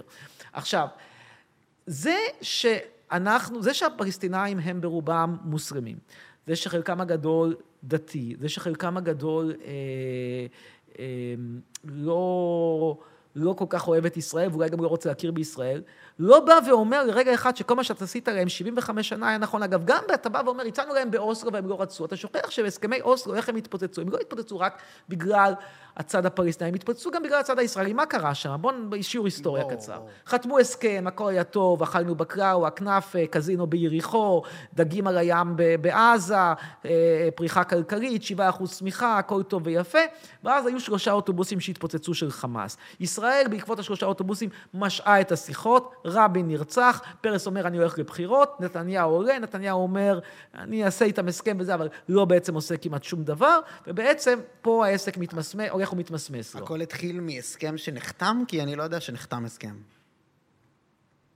אוסלו נחתם, כן, ודאי. לא, ב, לא בהסכמה ודאית שזה מה שקורה. לא, לא הבנתי, ברור ש... או שכן, אתה... לא, הסכמי אוסלו נחתמו. אין ויכוח על זה שהם נחתמו, גם אם אתה ימני, ציוני, whatever. זאת אומרת שהצד הפלסטיני הסכים כן, באופן הם מלא. נחתמו וערפאת שינה את האמנה, ואז יש שיש אומרים, הוא בעצם שינה את האמנה והוא לא התכוון, הוא לא הביא את זה לאישור, אבל... שמע, אני, אני, לא בא, אני לא בא לומר איזה, איזה בובה היה ערפאת וכמה אנחנו לא. אני לא בא לומר את זה, אני רק בא ואומר שבהסתכלות ריאלית, יש פה יותר מצד אחד שאחראי להידרדרות. זה לא רק שהם היו רעים ואנחנו היינו טובים. ואז, שוב. המשך, שיעור ההיסטוריה, נתניהו אתה. פשוט ממשיך לדבר איתי, אבל על ההקשר. אני אומר, אין הקשר לאמירות כי אתה אומר מסוג שברגע שהוא מוחמד הגדול, מוחמד הקטן, והוא אה, הולך למסגד, אז, אז גמרת לדבר איתו. אז, אז, ופה אני באמת לא יודע מה להגיד לך, אתה רוצה ממנו שיפסיק להיות מוסלמי, זה לא ילך. למה, לא, למה שזה לא ילך? זה מה ש... זה התנועה עכשיו בהולנד, זה התנועה בארגנטינה, זה התנועה ב- ב- בבריטניה. אתה אומר לו, תפסיק להיות מוסלמי. את, אתה... קודם כל, אני לא חושב שאתה מנתח בצורה 100% מדויקת דרישות ממהגרים באירופה. אבל...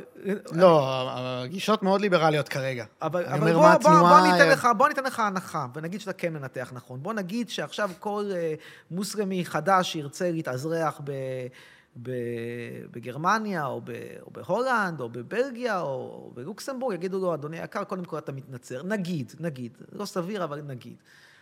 עדיין אין מצב שיבקשו דרישה כזאתי ממישהו שהוא כבר אזרח. עכשיו, הפלסטינאים פה, וזה מה שישראלים לא מצליחים לקבל, הם אומרים, We are indigenous, כי בתנ"ך, בזמן יהושע fucking בן נון, אנחנו באנו לכאן, תוך התעלמות מהעובדה שיש פה אוכלוסייה ערבית שגרה 1,400 שנה. 1,400 שנה זה מספיק זמן בשביל להיות אוכלוסייה מקומית, sorry. האם אתה מוכן, יש, יש פה עניין שאני כן. חוזר עליו מלא פעמים, כן. ואני לא, אנחנו כל פעם חגים סביבו. האמירה האנטישמית היא קיום הדיון. האם אתה מוכן לקבל את זה?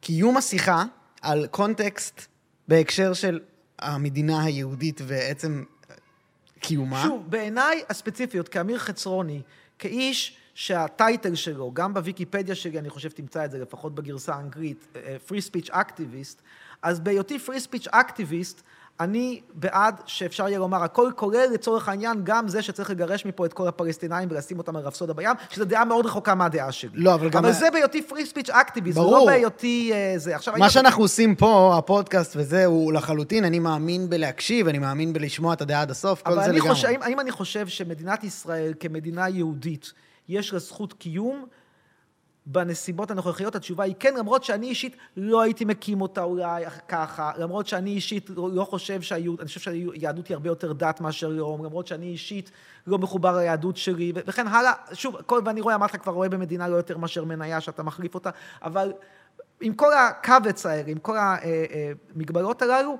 אני כן בא ואומר לך, כן, למדינת ישראל כמדינה יהודית יש זכות קיום. ואחרי שאמרתי את זה, חייבת גם לפלסטינאים להתחשב, חייבת להיות התחשבות בזה שיש פה אוכלוסייה פלסטינאית ילידית, ענקית, שהיא כמעט חצי מהאוכלוסייה פה, והמצב הנוכחי הזה שבו היום שליש ממנה הוא אזרח, אזרחי... לא, אבל, אבל רגע, אתה, אתה עכשיו סוטה מהנקודה העיקרית, שברגע שאתה הסכמת איתי על זה, ובתוך דיון על חופש ביטוי, מה עושים עם בן אדם שאומר הפוך? אתה אולי לא. חיים עם זה. חיים עם זה? כן. בן אדם שאומר שמטרתו השמדה. אם הדברים שלו אין בהם ודאות קרובה שאכן יובילו להשמדה, התשובה היא חיים עם זה, כן. אבל זה שוב... לא, זה, זה, זה כל הדיון, כי ב, באף מדינה לא, לא ייתנו לזה לקרות. מי ש... אני לא- אני לא לא יכול לשבת בארצות הברית ולקרוא להשמדת ארצות הברית, ארצות בלי, הברית, ארצות הברית בלי לשלם על זה מחיר. ארצות הברית היא מדינה די פשיסטית שאני לא, מת- לא, לא מת עליה, אבל במדינות אירופאיות שאני הרבה יותר מחבב אותן, אה, יש אה, קבלה הרבה יותר אה, רחבה של... של אמ- אמירות כאלה, אבל שוב, אתה לא נמצא בסרט הזה פה. אני אגיד לך גם מה, אתה, אתה, אתה מביא אותי לסרטי, לסרטי מדע בדיוני שהם לא רלוונטיים. למה? מכיוון שאתה לא נותן לאנשים האלה בכלל אה, להיות אזרחים שווי זכויות. אני נותן להם בהנחה, אתה, אתה, אתה נתת מקודם, אבל אתה לא רגע, יש תמיכה של 60-70 אחוז בגדה המערבית לחמאס. זה אמירה ברורה של השמדת המדינה שאתה רוצה שהם יהיו חלק ממנה. אז תן, אז תן, אז אחת משתיים. אפשרות אחת, תן להם מדינה עצמאית. אפשרות שנייה, תספח אותם, ותדע שאתה מספח סוג של סוס טרויאני מבחינת הדעות שלו. אתה לא יכול להשאיר את המצב ככה, תשאיר את המצב ככה, תקבל טרור, וטרור שהוא, שוב, בהיקפים מסוימים, מובן. לא רק אני אמרתי את זה, אמר את זה אהוד ברק. זה שוב, מטורף. קח, קח, קח, קח, קח את... זה מטורף להגיד את זה, כי אתה לא... אתה לא. אהוד אתה- ברק אמר את זה, לא חצרוני. אפשר גם להגיד שאהוד ברק טועה, אתה יודע. אפשר להגיד שאהוד ברק טועה, אבל אני שואל אותך שוב, אתה פלסטינאי מלוד, ב-48 מלוד זורקים אותך ל- לירושלים, ושם אתה, אה, שמים אותך במחנה הפליטים שועפאט. לאט לאט אתה משקם את חייך, ב-67 ישראל כובשת אותך, וסוגרת אותך במחנה הפליטים שועפאט, מספחת אותך לישראל, לא נותנת לך זכויות אזרח, ושם אותך גם מחוץ לגדר, כלומר אתה בעצם שייך לישראל, אבל אתה מחוץ לגדר, וכל פעם שאתה עובר לישראל אתה צריך לעבור בידוק ביטחוני, למרות שאתה אזרח ישראלי, שכבר גירשו אותך כזכור פעמיים, פעם ראשונה ב-48. ועכשיו, בנוסף לכל הדברים האלה, שמים עליך סגר, ומצור, ומשמר הגבול, ואז מה לעשות, שמישהו מאותו מחנה פליטים רואה את, השוטר של משמר הגבול, ששם אותו בתוך הכלוב, כשהוא אזרח ישראלי. אני מבין. אתה אומר לי, יש אתה אומר, הקשר... מה, מה, מה, והוא לא מחלק לו כנף, כן. מה לעשות, נוקט נגדו באלימות. למה אתה מצפה? פשוט אתה אומר, יש הקשר מאחורי אמירות של אה, קריאה להשמדת המדינה זה היהודית. לא קריאה להשמדת מדינת ישראל, זה קריאה ל- לומר, אנחנו אזרחים שווי זכויות, וזכותנו להיות ערבים לאומנים באזרח, בישראל, ואם אתה לא רוצה אותנו כערבים לאומנים, fair enough, תן לנו מדינה פלסטינאית, ואל תהפוך אותנו להיות יוסף חדד, אם אנחנו לא נהיה יוסף חדד, אם יוסף חדד יש רק אחד, וטוב שיש רק אחד. אני מבין. ואני מכבד את הדעה שאתה עומד איתה בהקשר הזה. פשוט יש את, ה, את העניין היחידי, שהוא זה שפשוט ברגע שמישהו אומר לי את הדעה הזאת, שאפשר, ל, ל, לק... ש, שמדינת ישראל היא כאילו, יש קונטקסט מאחורי להגיד את ה... אני רוצה להשמיד אותה. אם ידחפו אותי מספיק רחוק, אני יכול גם כן לראות את עצמי עושה פעולות, אני לא יודע, כל מיני דברים כאלה. אני מכבד את השלטר, כאילו. אבל אין- אתה רוצה, שוב, אתה רוצה להחזיק בן אדם בתוך כלוב, בלי זכויות, ולצפות ממנו לא, להגיד אני, תודה. אני, אני פשוט אמרתי משהו שהוא נורא נורא בסיסי, על כאילו, שיצהיר. אבל הוא, לא נאמנות ברמת... הוא אה, 75 שנה תחת כיבוש ודיכוי, אתה שוכח את זה. בדיוק, אתה- סבבה. אז אתה אומר, בסדר, שיקבל את זה. אני תתקדם, אני- תתקדם, תתקדם. כן, בדיוק. זה לא עובד ככה. למה לא? כי זה מנוגד לגמרי, בוא אני אתן לך הסבר, נעשה לך הסבר שלך משפטי ללמה לא. תראה, זכויות קנייניות בחוק הישראלי, אגב, אני, אני פרופסור לתקשורת, לא למשפטים, אבל זה דבר שאני יודע אותו. זכויות קנייניות בחוק הישראלי הן לא מוגבלות בזמן. זאת אומרת, נגיד למשל שיש לי, אה, רואים פה, אני חושב, אני מקווה במצלמה, רואים פה את הדירות ממול, אנחנו אגב ברחוב שנקן הקסום והיוקרתי. אז נגיד שיש לי שם דירה, ונגיד שאני לא טיפלתי מאיזושהי סיבה בדירה, נכנסו לשם פולשים, והפולשים האלה ישבו שם שנה, שנתיים, שלוש, ארבע, חמש, אין להם חוזה שכר דירה איתי, הם לא קנו את זה ממני, אין להם שם כלום, הם פולשים. האם לפי החוק מותר לי היום להעיף אותם? התשובה היא כן. מותר לי להעיף אותם, מותר לי לדרוש את בעלותי בכל רגע. אין פה התיישנות על זכויות קנייניות. עכשיו, מה שעובד ברמת הפרט, משום מה ישראל מסרבת לקבל ברמת הכלל. כלומר, ברמת הכלל ישראל לא מקבלת את זה שלערבים שהיא גירשה מצפת, בית שאן, ירושלים, חיפה, יפו, לוד, רמלה, אצטרה, אצטרה, יש זכויות קנייניות על הנכסים האלה. עכשיו, אתה בעצם בא ואומר, אתם איבדתם את רכושכם, אני חמסתי, גזלתי, וזה, כן. ואתם תתקדמו הלאה. כן. אני. אנחנו לא נתקדם הלאה. אתה מבין? כאילו, לא, כאילו, לא, זה- לא... אני חושב שזה כי זה יהודים, נו. בגלל שזה יהודים, לא- עוד יותר לא מתקדמים הלאה, וב' כי הפלסטינאים ממש טובים בליצור את הרגש האשמה הקולוניאליסטי הזה. אבל זה, אבל זה בתים שהם באמת שלהם, זה לא המצאה. אתה יושב, אתה מסתובב לך ביפו העתיקה. סליחה, זה נראה כמו לא, בתים אבל יהודיים. אנחנו שוב חוזרים לנקודה של ה... אתה צריך בסך הכל נו. להגיד, אני שוחר שלום. שוחר שלום, ועכשיו תן לי פיצוי על האדמה שלי, ותן לי חזר... ותן לי... זה אבל מתחיל בשוחר שלום. ב- אנחנו זה- לא זה- קרובים זה לזה. תקבל מהם, אין בעיה. איזה- אגב, קיבלת את זה מהם, קיבלת את זה מהם ב-93. אתה יודע איפה נתקע המשא ומתן של הסכמי אוסלו בסופו של דבר? כשהגיעו לדבר, הבעיה לא הייתה שערפאת יכיר במדינת ישראל, הוא הכיר במדינת ישראל, הוא קיבל את הגבולות של 67. אגב, אש"ף גם היום מקבל את גבולות 67. הבעיה מתחילה שהם אומרים, רגע, גבולות 67, אתם רוצים מדינה, בבקשה, אבל לנו מגיעות באמת כל מיני זכויות ופיצויים על הנכבה, בין היתר הם גם רוצים את זכות השיבה שעליה כן. לא, לא, לא, לא, לא, לא ברור מה, מה, מה יעשו איתה, אבל זה לא שהם באים ואומרים, להבדיל מחמאס, הם לא באים ואומרים, אנחנו לא מקבלים את קיומה של מדינת ישראל. לנו נוח לשים את חמאס ואת הרשות הפלסטינאית באותה משבצת, למרות ש... דה פקטו, אנחנו בעצם, יש לנו תיאום ביטחוני עם הרשות הפלסטינאית, כן. דה פקטו בעצם אנחנו די, די תלויים ב, ב, ב, במשטרה שלהם, שתחזיק את השטחים פחות או יותר קצר ופחות או יותר על אש, על אש קטנה, אבל עם הפלסטינים, עם הרשות הפלסטינית, יש לך את ה- את ה basics הזה. אתה לא רוצה ללכת מעבר ל basics, וכנראה שגם הם לא מתים ללכת מעבר ל basics, כי הם מבינים שללכת מעבר ל basics זה לוותר על זכות השיבה במובן שהם חושבים עליה. אבל זה לא שאם הם יוותרו על זכות השיבה במובן שהם חושבים עליה, אתה תסכים לחתום על הסכם, אתה באמת תסכים לחתום על הסכם שמפנה חצי מיליון מתנחלים ו- ו- ונותן להם אולי גם איזשהם פיצויים על הרכוש של המשפחה, אתה לא תסכים. זאת אומרת, הם לא מוכנים ואנחנו לא מוכנים, ואז חוזרים לקטע של, התחלנו איתו, מלחמה לנצח, כן. או להוריד את האש. שוב, יש בעיות שלא ניתן לפתור. אתה יודע, אנחנו כולנו מסתובבים, אני אתן לך את הדוגמה של הסרטן. בוא ניקח דוגמאות של מחלות פחות דיברנו על זה. לא, אני כן. אתן לך דוגמה, תראה, יש מחלות כרוניות. לדוגמה, קרון. אתה חי איתה, אתה כאילו מוריד את הכאבים, אתה, אתה מנסה לייצר לך איזה שהם חיים פחות נורמליים, תוך כדי שאתה יודע שפתרון מושלם, את המאה אחוזים, אין לך. אתה מצפה פה למצוא פתרון של מאה אחוזים לבעיה שהפתרון... 100%, לא, לא, אני, אני, אתה, אתה נשאר בתוך הקונטקסט, ואני פשוט מחוצה לו. אבל אתה, שוב, אתה, אתה, אתה, אתה מודע למה... אתה יודע, כל הזמן שאלת אותי מה אני מציע, אני שואל אותך עכשיו, מה אתה מציע? למרות שאתה פה מנחה ואני מונחה, אבל בכל זאת, מה אתה מציע כאלטרנטיבה? תגיד לי אתה, מה אתה... באיזה, באיזה הקשר? מאיזה בחינה? איך אתה רוצה לנהל את המשך המלחמה בידיעה למחיר בחיי אדם, בידיעה למחיר הכלכלי, בידיעה לקונטקסט הבינלאומי? מה אתה מציע? מה? תגיד לי אתה, בוא תגיד, תן לי הצעה יותר טובה מההצעות שלי שנראות לך אנטישמיות. תן אוקיי. לי הצעה. ההצעות שלך לא אנטישמיות. אוקיי. ה- ה- התקדמתי. ה- כן, תתקדם, בדיוק. זהו, זהו, בדיוק. אבל, אוקיי. אה, הדברים שאני מציע הם, דבר ראשון, אני, בהקשר של אה, אה, הגירה החוצה, אני לא יודע מה עמדתי, אוקיי?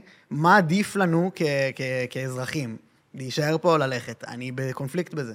ובגלל זה גם אני מדבר עם אנשים כמוך ואנשים מידיעות אחרות. אני באמת מנסה להבין איפה אני עומד, כי אני לא יודע. אוקיי? זה א'. אז, אה, אז האם מגיעה זכות ליהודים לחיות במדינת ישראל? כן. בחירה גם של היהודים להחליט האם זה טוב לכל אחד מהם. אבל אני אומר, קודם כל זה. מי שאומר משהו נגד לזה, צריך, יש מאמץ, דרך אגב, עולמי, לכבות אותו. זה הסיבה לכל המלחמה פה, וזה הסיבה לתמיכה. אין מכן, אתה, כאילו, אתה רוצה שאני אגיד את, אה, את, אה, עד הסוף, או שאתה כבר פה רוצה להיכנס? בסדר. שותק. אוקיי, אז התמיכה של ארצות הברית, התמיכה של אה, גם, אתה יודע, בגדול, לפחות בהתחלה, אה, או מדינות באירופה ולאט לאט זה פחות, כל מדינות העולם יש להן דעה על מה קורה פה. כי יש שתי קואליציות. יש קואליציה של ארה"ב, איחוד האמירויות, ערב הסעודית, זה החוזק שלה, אה, ויש את הקואליציה השנייה, שזה סין, איראן, רוסיה וכאלה. אנחנו רוצים להיות בצד הנאור ממיליארד סיבות. אני מציע לשמר את הקואליציה הזאת. אתה אומר לי שלמען זכויות של חיי אדם, של שוויון, של אזרחות, של כל מיני כאלה, אתה מוכן לזרוק את זה לפח. ואני אומר, אתה לא מבין מה אתה עושה. זה כמו שיש אנשים שאומרים לי, אה, ש, שמדברים על, על, אתה יודע, גלובל וורמינג וכאלה, והם אומרים, יש יותר מדי אנשים על, על הפלנטה. ואז אתה כזה, טוב, איך אני יכול לדבר עם בן אדם שכאילו, מה אתה מציע? כיתת יורים ונראה בכולם? לא, אני חושב שצמצום ילודה זה רעיון לא רע, אגב, גם בקונטקסט הישראלי. אני חושב שזה... ואתה מבין אבל שזה אמירה אנטי-אנושית. לא, זה לא אמירה אנטי-אנושית, לומר שאם אתה, אם, אם, אם יש לך משכורת של, של, של 20 אלף שקל ואתה מביא לעולם שלושה ילדים, אז, אז אני אומר לך לא, בוודאות אוקיי. שלשניים מהם לא תהיה דירה. סבבה, זה משהו אחר. אני אדבר על אנשים שמדברים באופן אחר לגמרי, וכאילו, הם לא מביאים פתרונות פרקטיים. לא משנה, אני ניסיתי לתת את זה כדוגמה לאמירה אנטי-אנושית. להגיד לי, humans are cancer on the planet, שיש אנשים שאומרים. לא humans are not cancer, אבל... בדיוק, אבל זה אז, לא... אז זה מה שאני אומר. ברגע שמישהו אומר לי דברים בהקשר של המדינה היהודית, שסותרים את הרעיון הבסיסי שלה, אני לא יכול לנהל איתו דיון, בטח שלא דמוקרטי. אבל אני אשאל אותך שאלה אחת, ואתה ענית לי תשובה מקסימה לשאלה אחרת. שאלתי היא כזו, בוא, בוא נדבר, נחזור שנייה אחת לעזה. התחלנו בעזה, נחזור לעזה. כן, מה המלחמה בעזה? מלחמה. עכשיו, בוא אני אגיד לך, המלחמה הזאת, אתה רוצה, יש לך, יש לך פה אפשרויות. אפשרות אחת, אתה מפסיק אותה עכשיו עם ההישגים שהיו. כנראה נחזיר אולי חלק מהחטופים בהסכם, חלק מהם ככל הנראה מתו כבר, למרבה הצער. זה מה יש. זאת אופציה אחת. אופציה שנייה, מלח... מלחמת נצח עד הסוף אמר, או לפחות עד הבחירות של 2026. מלחמה, מלחמה, אנשים ילכו למילואים, ילכו שלושה חודשים, ילכו כן. שישה חודשים, תשעה, שתי... ככה מילואים, בן אדם כאילו היה פעם מתכנת, היום הוא מילואימניק לנצח. ככה זה, ורמת חיים תרד, מס הכנסה יעלה מ-50% ל-70%, אתה חופשה הבאה, גם החופשה הקודמת שלך הייתה באיטליה, עכשיו מה לעשות, גם טבריה מקום יפה, ו... אה, כן, אתה מדבר איתי על מותרות, אני, אני לא שם, כן. אני אומר, אנחנו... basics, אני אוכל לא, לחם אני- וזייתונת וחומוס והכל טוב. לא, אני אומר, יש צורך כרגע בתגובה מאוד מאוד מאוד חריפה למה שקרה בשביעי לעשירי. No matter what the price. אה, לא no matter what the price, בסולם הערכים זה עליון כרגע. אבל אתה מבין שדברים, יש להם מחיר. כל יום בעזה שניים וחצי חיילים. עכשיו אתה בא ואומר, אני מעדיף לאבד שניים וחצי חיילים עכשיו, בגלל שהיפותטית אני חושב שזה יעלה לי יותר אחר כך. את המחיר ההיפותטי הוא היפותטי. אני יודע שהיום זה שניים וחצי חיילים, זה ה-death toll. לא, זה לא מה שאני אומר, אני לא אומר את זה. אני כן, זה מהדברים האלה שאתה אומר, אני נזרק רק לשאלת הזהות. אבל שאלת צריך- הזהות זה... לא, אתה צריך אבל ל- להבין. בשביל שאלת הזהות דבר עם פייגרין, אני לא פייגרין. אני מדבר איתך. אני, אני, אני, אם פר- אתה אני לא- פרקטי, אני, פייגרין הוא פילוסוף, חצרוני, למרות, כן. פרופ- למרות שאין לו תואר אקדמי. אני פרופסור, אבל אני בנשמה אינסטלטור. כן. אני בא אליך, אינסטלטור שנותן חשבוניות, כן, בלי אתה- חריץ. אתה אומר לי, עזוב את הפילוסופיה, מה הפרקטיקה? בוודאי, אני אוקיי. אומר לך, תקשיב, יש לך פה החלטות שצריך לקבל. כל יום בעזה זה מיליארד ומשהו שקל, שניים וחצי חיילים מתים בממוצע, משק שתקוע, תיירות שלא קיימת, מצד אחד. מהצד השני, סיכוי מסוים להחליש עוד יותר את חמאס. זה מה שאני רואה, האמת, בצד החיובי. אני לא רואה שמגיעים מזה חטופים. חטופים חוזרים רק, רק בארונות כתוצאה מהמלחמה. אז זה, זה הסיפור. ואולי אולי אפילו בחסרונות, אני אומר, קצת, קצת סיכון לחיי אדם של חטופים. אבל לא, בוא נשאיר את החטופים בחוץ, כי אני לא רואה שזה משנה יותר מדי לפה לשם. האם שווה לך שניים וחצי הרוגים, פלוס מיליארד ומשהו שקל, פלוס משק תקוע, פלוס להיות לבד... אני לא יודע, אני לא יודע, זה קשה. אבל זו, ש... זו השאלה שצריך זו לשאול, לא שאלה ממש, זו המעניין שאלה ממש? קשה, זו שאלה ממש קשה, ואני לא חושב שאולי מתפקידנו בכלל להגיד עליה משהו. אבל אני כן חושב שאולי הגענו לקצה של המ- המערכה הזאת, אם השגנו את המטרה הזאת, ויש אנשים שאני סומך עליהם שיכולים להעריך את זה. עד כמה? חודש, חודשיים, שנה, תגיד כ- זה השאלות שצריך לשאול, השאלות של זהות, סורי. זה כמו השאלות, יש לא. אלוהים או אין אלוהים? מה מעניין אותי? מה שמעניין אותי זה האם יהיה תחבורה ציבורית בשבת או לא תהיה תחבורה ציבורית. מבחינתי שיהיה אלוהים כל הזמן, אבל אני רוצה שהאוטובוס ייסע בשבת. ואם אין לא, אלוהים... אבל, אבל פשוט אני, זה הדבר היחיד שאתה יכול להיזרק אליו בעמדה שלנו, היא לא אשכרה פעולות צבאיות לתת פה עצות, אלא מה זה המדינה הזאת שאנחנו מנסים לחיות בה? אבל אלו השאלות שעומדות על הפרק. זה מה שאני אומר. השאלות שעומדות על הפרק זה כרגע, סורי, זה לא איזו מדינה רוצים שישראל תהיה, שהיא שאלה מאוד מעניינת לדיון פילוסופי, בטח. אלא האם אני רוצה את המלחמה בעזה להמשיך או להמשיך, כי כל יום שאתה ממשיך את המלחמה בעזה זה מיליארד ומשהו שקל מדממים. זה שווה את זה, זה שווה את זה אם אנחנו מסכימים שצריך מדינה ליהודים. יופי, ואם אם המחיר עולה לעשרה, לעשרה חיילים ליום ולשני מיליארד, עדיין שווה? אני צריך, כאילו, אני, אתה שואל אותי אישית, אני לא, לא חושב שממקומי ל... מה זה לא, אבל. זה, אבל זה כאזרחים, זה, זה, אגב, מה, מה, עוד דבר, אפרופו, למה אני, למה, למה אני הלכתי יותר ויותר להיות נגד המלחמה ונגד העמדה הישראלית?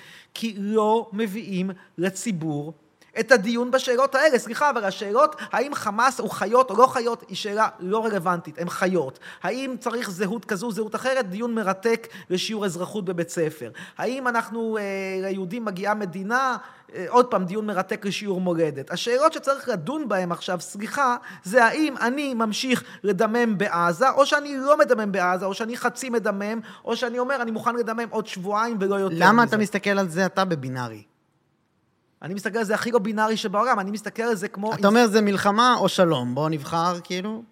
אני חושב אמרתי זה... לך, אני מוכן גם לקבל, אם אתה רוצה להציע איזושהי הצעה, אני לא פוסל אותה על אומר- הסף, של להמשיך לשבת על החלקית בעזה ולהפסיק להתרוצץ שם מבית לבית. אני לא מצליח להבין לא, למשל אומר מה שזה- ההיגיון בלרוץ שם מבית לבית ולחפש האם הבית ממולכד. אני אומר לך שזה משחק שבע בום, כל בית שביעי יהיה ממולכד. אבל מה עם היחסים הדיפלומטיים? מה שזה נותן לנו במ- במקרו, אל מול האיראנים, אל מול חיזבאללה, זה חשוב להראות ש... זה לא נותן שום דבר, תיקח בחשבון שהאיראנים... אתה, אתה חושב שממקומך להגיד שזה לא נותן שום דבר? כן, כי, אני, כי, כי בלי לדבר ערבית ובלי בלי לעשות אה, תואר בתורת הסונה, אני אומר לך שהאיראנים שונאים אותנו ורוצים להרוג אותנו בין אם נכבוש את עזה ובין אם לא נכבוש את עזה. איך אני בשבילך? בוודאות מוחלטת אומר לך את זה. שאלה מבחינה אמריקאית, מה רוצים לעשות האיראנים מישראל? להרוג את כולם. איך אני? נתתי לך תשובה. זה לא מעניין, זה ידוע שהאיראנים, זה, וזה לא שאם אתה תכבוש את עזה הם ירצו פחות, או שאם אתה תראה לעזתים ותתפוס את מוחמד דף, ותתפוס את סינואר, ותתפוס את ההוא, ותתפוס את ההוא, ותקח את הראש שלהם, ותעשה להם גיליוטינה, ותצלם את זה, ותעלה לטיקטוק, אתה חושב שהם ירצו פחות? לא, הם ימשיכו לרצות. כמה, כמה בכירים הרגת כבר? אתה יודע כמה בכירים אתה הרגת בעשרות שנים האחרונות? בלי סוף. כל הבכירים הרגת, והתברר שיש בכירים חדשים. איזה יופי זה, כל יום נולד בכיר. כן. זה ארגון, ארגון, ארגון, זה, הנס, כן. הנס של חמאס, כל יום נולד בכיר חדש. אני, רק אומר משהו, משהו אחד, אני אומר שפשוט, אם אנחנו, אני לא משוכנע בזה, בגלל זה אני אומר הדיון על זהות הוא, הוא הדבר הכי בש- חשוב כרגע, זה שאני לא משוכנע שמדינה צריכה להצדיק כאלה מלחמות, אבל פשוט מה נעשה, היא כן. אבל אתה מבין? זה יש- הקטע. יש עצם זה שבחרת להקים... אתה יודע, זה כמו, יש לך, יש לך, שוב, דליפה של צינור באמבטיה, ואתה אומר לי, בוא נדבר על השאלה האם עדיף לגור בבית האם דירות, צריך אמבטיה? או בווילה, או כן, האם צריך לא, אמבטיה. האם צריך אמבטיה? זה מה שאני אומר. אתה אומר לי, יש פה חור בתוך אמבטיה. אני אומר, ברור, מה חשבת שלא יהיה חור? תראה איפה אתה נמצא. אבל אתה לא יכול, אבל, אבל, אבל אתה תצטרך להתרחץ איפשהו. אלא אם כן אתה בא ומציע לי שבמקום אמבטיה תלך להתרחץ בבריכת שחייה ב- ב- ב- ב- בחדר, ב- ב- יש לך אלף. ברחוב בליד, אז ניחא. יש זה, אלף, אתה דיברנו על פולין, דיברנו על זה. יש אלף אופציות אחרות. אבל זה לא בחייאת. אתה מה? בחייאת? זה העניין. כי עשרה מיליון אנשים אתה לא תשנע עכשיו לפולין. אתה לא תשנע. אם זו הייתה אופציה, אז יופי. אתה לא מצליח לשנע אה, אה, שני מיליון עזתים, אתה לא, אתה, אתה לא, צריך, לא מצליח לשנע, לא מצליח למצוא פתרון ל-150 אלף מפונים מעוטף עזה. אני מנסה, אומר, מנסה להבין אינדיבידואלית בשביל עצמי, בשביל לדעת... בשבילי באמת. ובשבילך מקומנו ברור שבפולין. מה יש לנו אז לחפש אתה פה? מבין? אז אבל על זה מה לא. אנחנו מדברים? אתה נותן עצות לעם היהודי במדינת היהודים מה לעשות? אתה בכלל לא מסכים איתם שהם, שזה אבל נחוץ. אני אזרח פה. זה, הדברים האלה משפיעים אבל עליי. אם אתה מסכים על זה, אז המ- המלחמה הזאת מוצדקת, וכל 500 לא מיליון, נכון. כל יום זה וזה- מבורך. מה- מאיפה זה מגיע? אם, אם, אני, אם, אני, אם אני חושב שצריכה להיות מדינה יהודית, אז זה אומר שאני אסכים כל החלטה שמדינת ישראל תקבל, אם מחרתיים היא תחליט לכבוש את הגלעד, אז אני אסכים איתם? פשוט, אה, אם, אם אתה מסכים איתם שזה נחוץ, אז המלחמה הזאת מוצדקת. מה, ממש לא.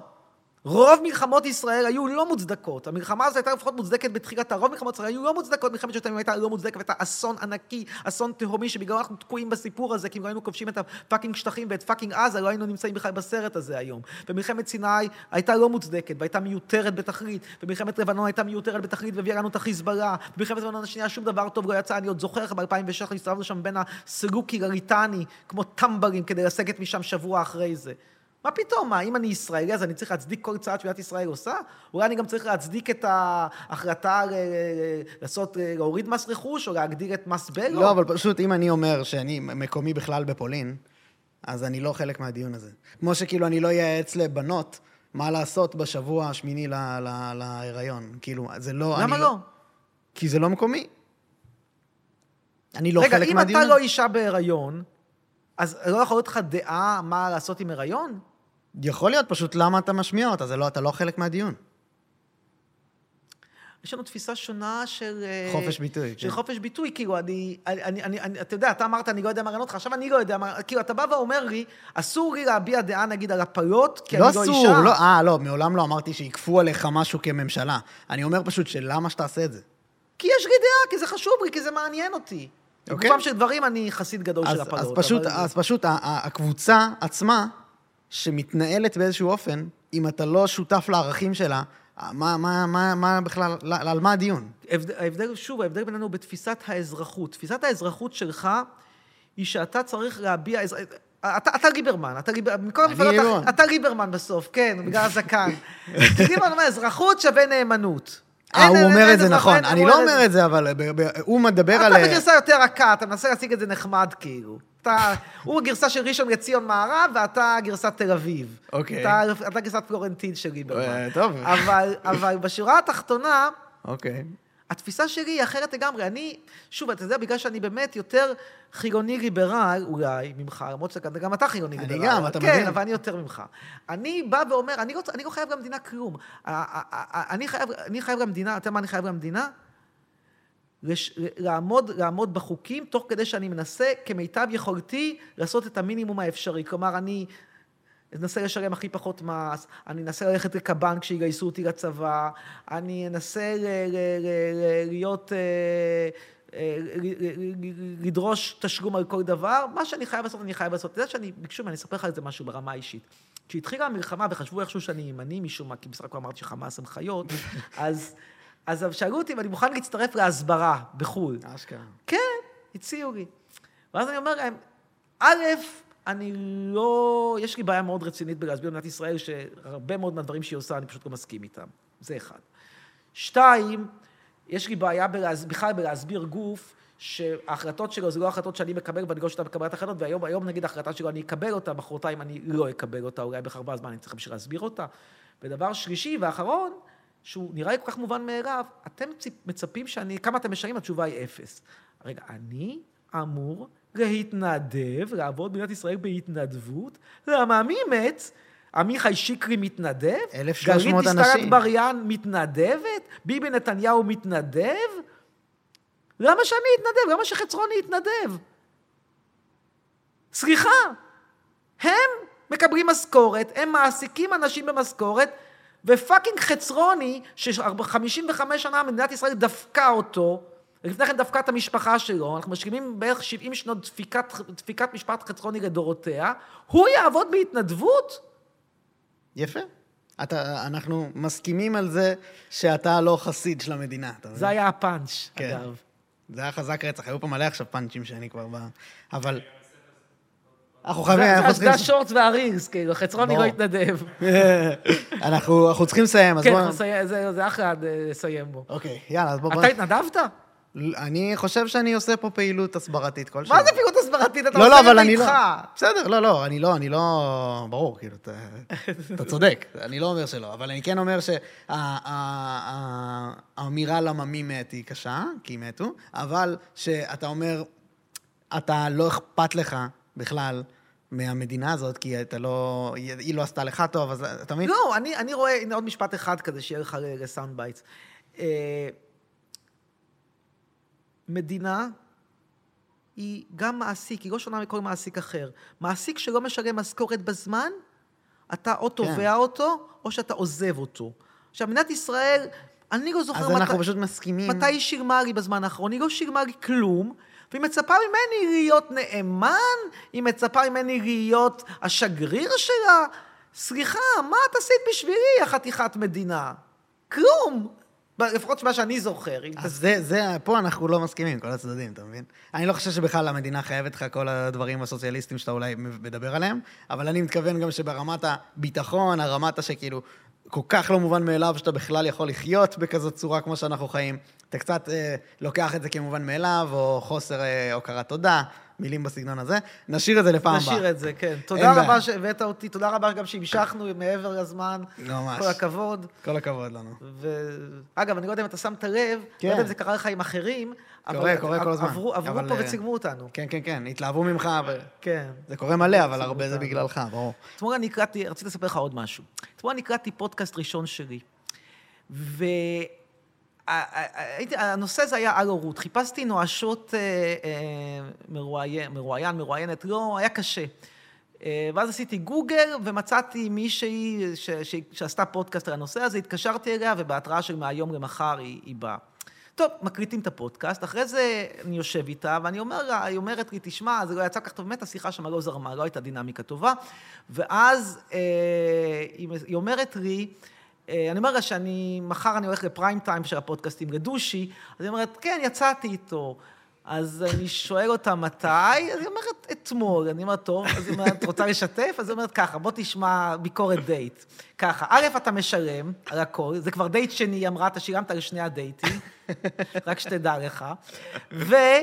והיא אמרה שאתה בסדר, אתה ג'נטלמן, היא, אגב, רק שתדע, אבל פה עד עכשיו הנקודות הטובות, עכשיו הנקודות ה... אוי, לא. זה. אוי. רק, רק פשוט שתבין, ככה. כן. למרות שהפודקאסט היה על- הורות, היא רוצה ילדים. אז אם אתה לא רוצה ילדים, אז ת, ת, ת, תבדוק טוב טוב אם אתה, כשאתה משתמש לגבי אמצעי מניעה, אני מציע שתהיה תהיה זהיר, זה, כן. דבר, זה דבר אחד. ודבר נוסף, אולי הכי מדאיג, היא אמרה לי, אני אוהבת גבר שהוא provider.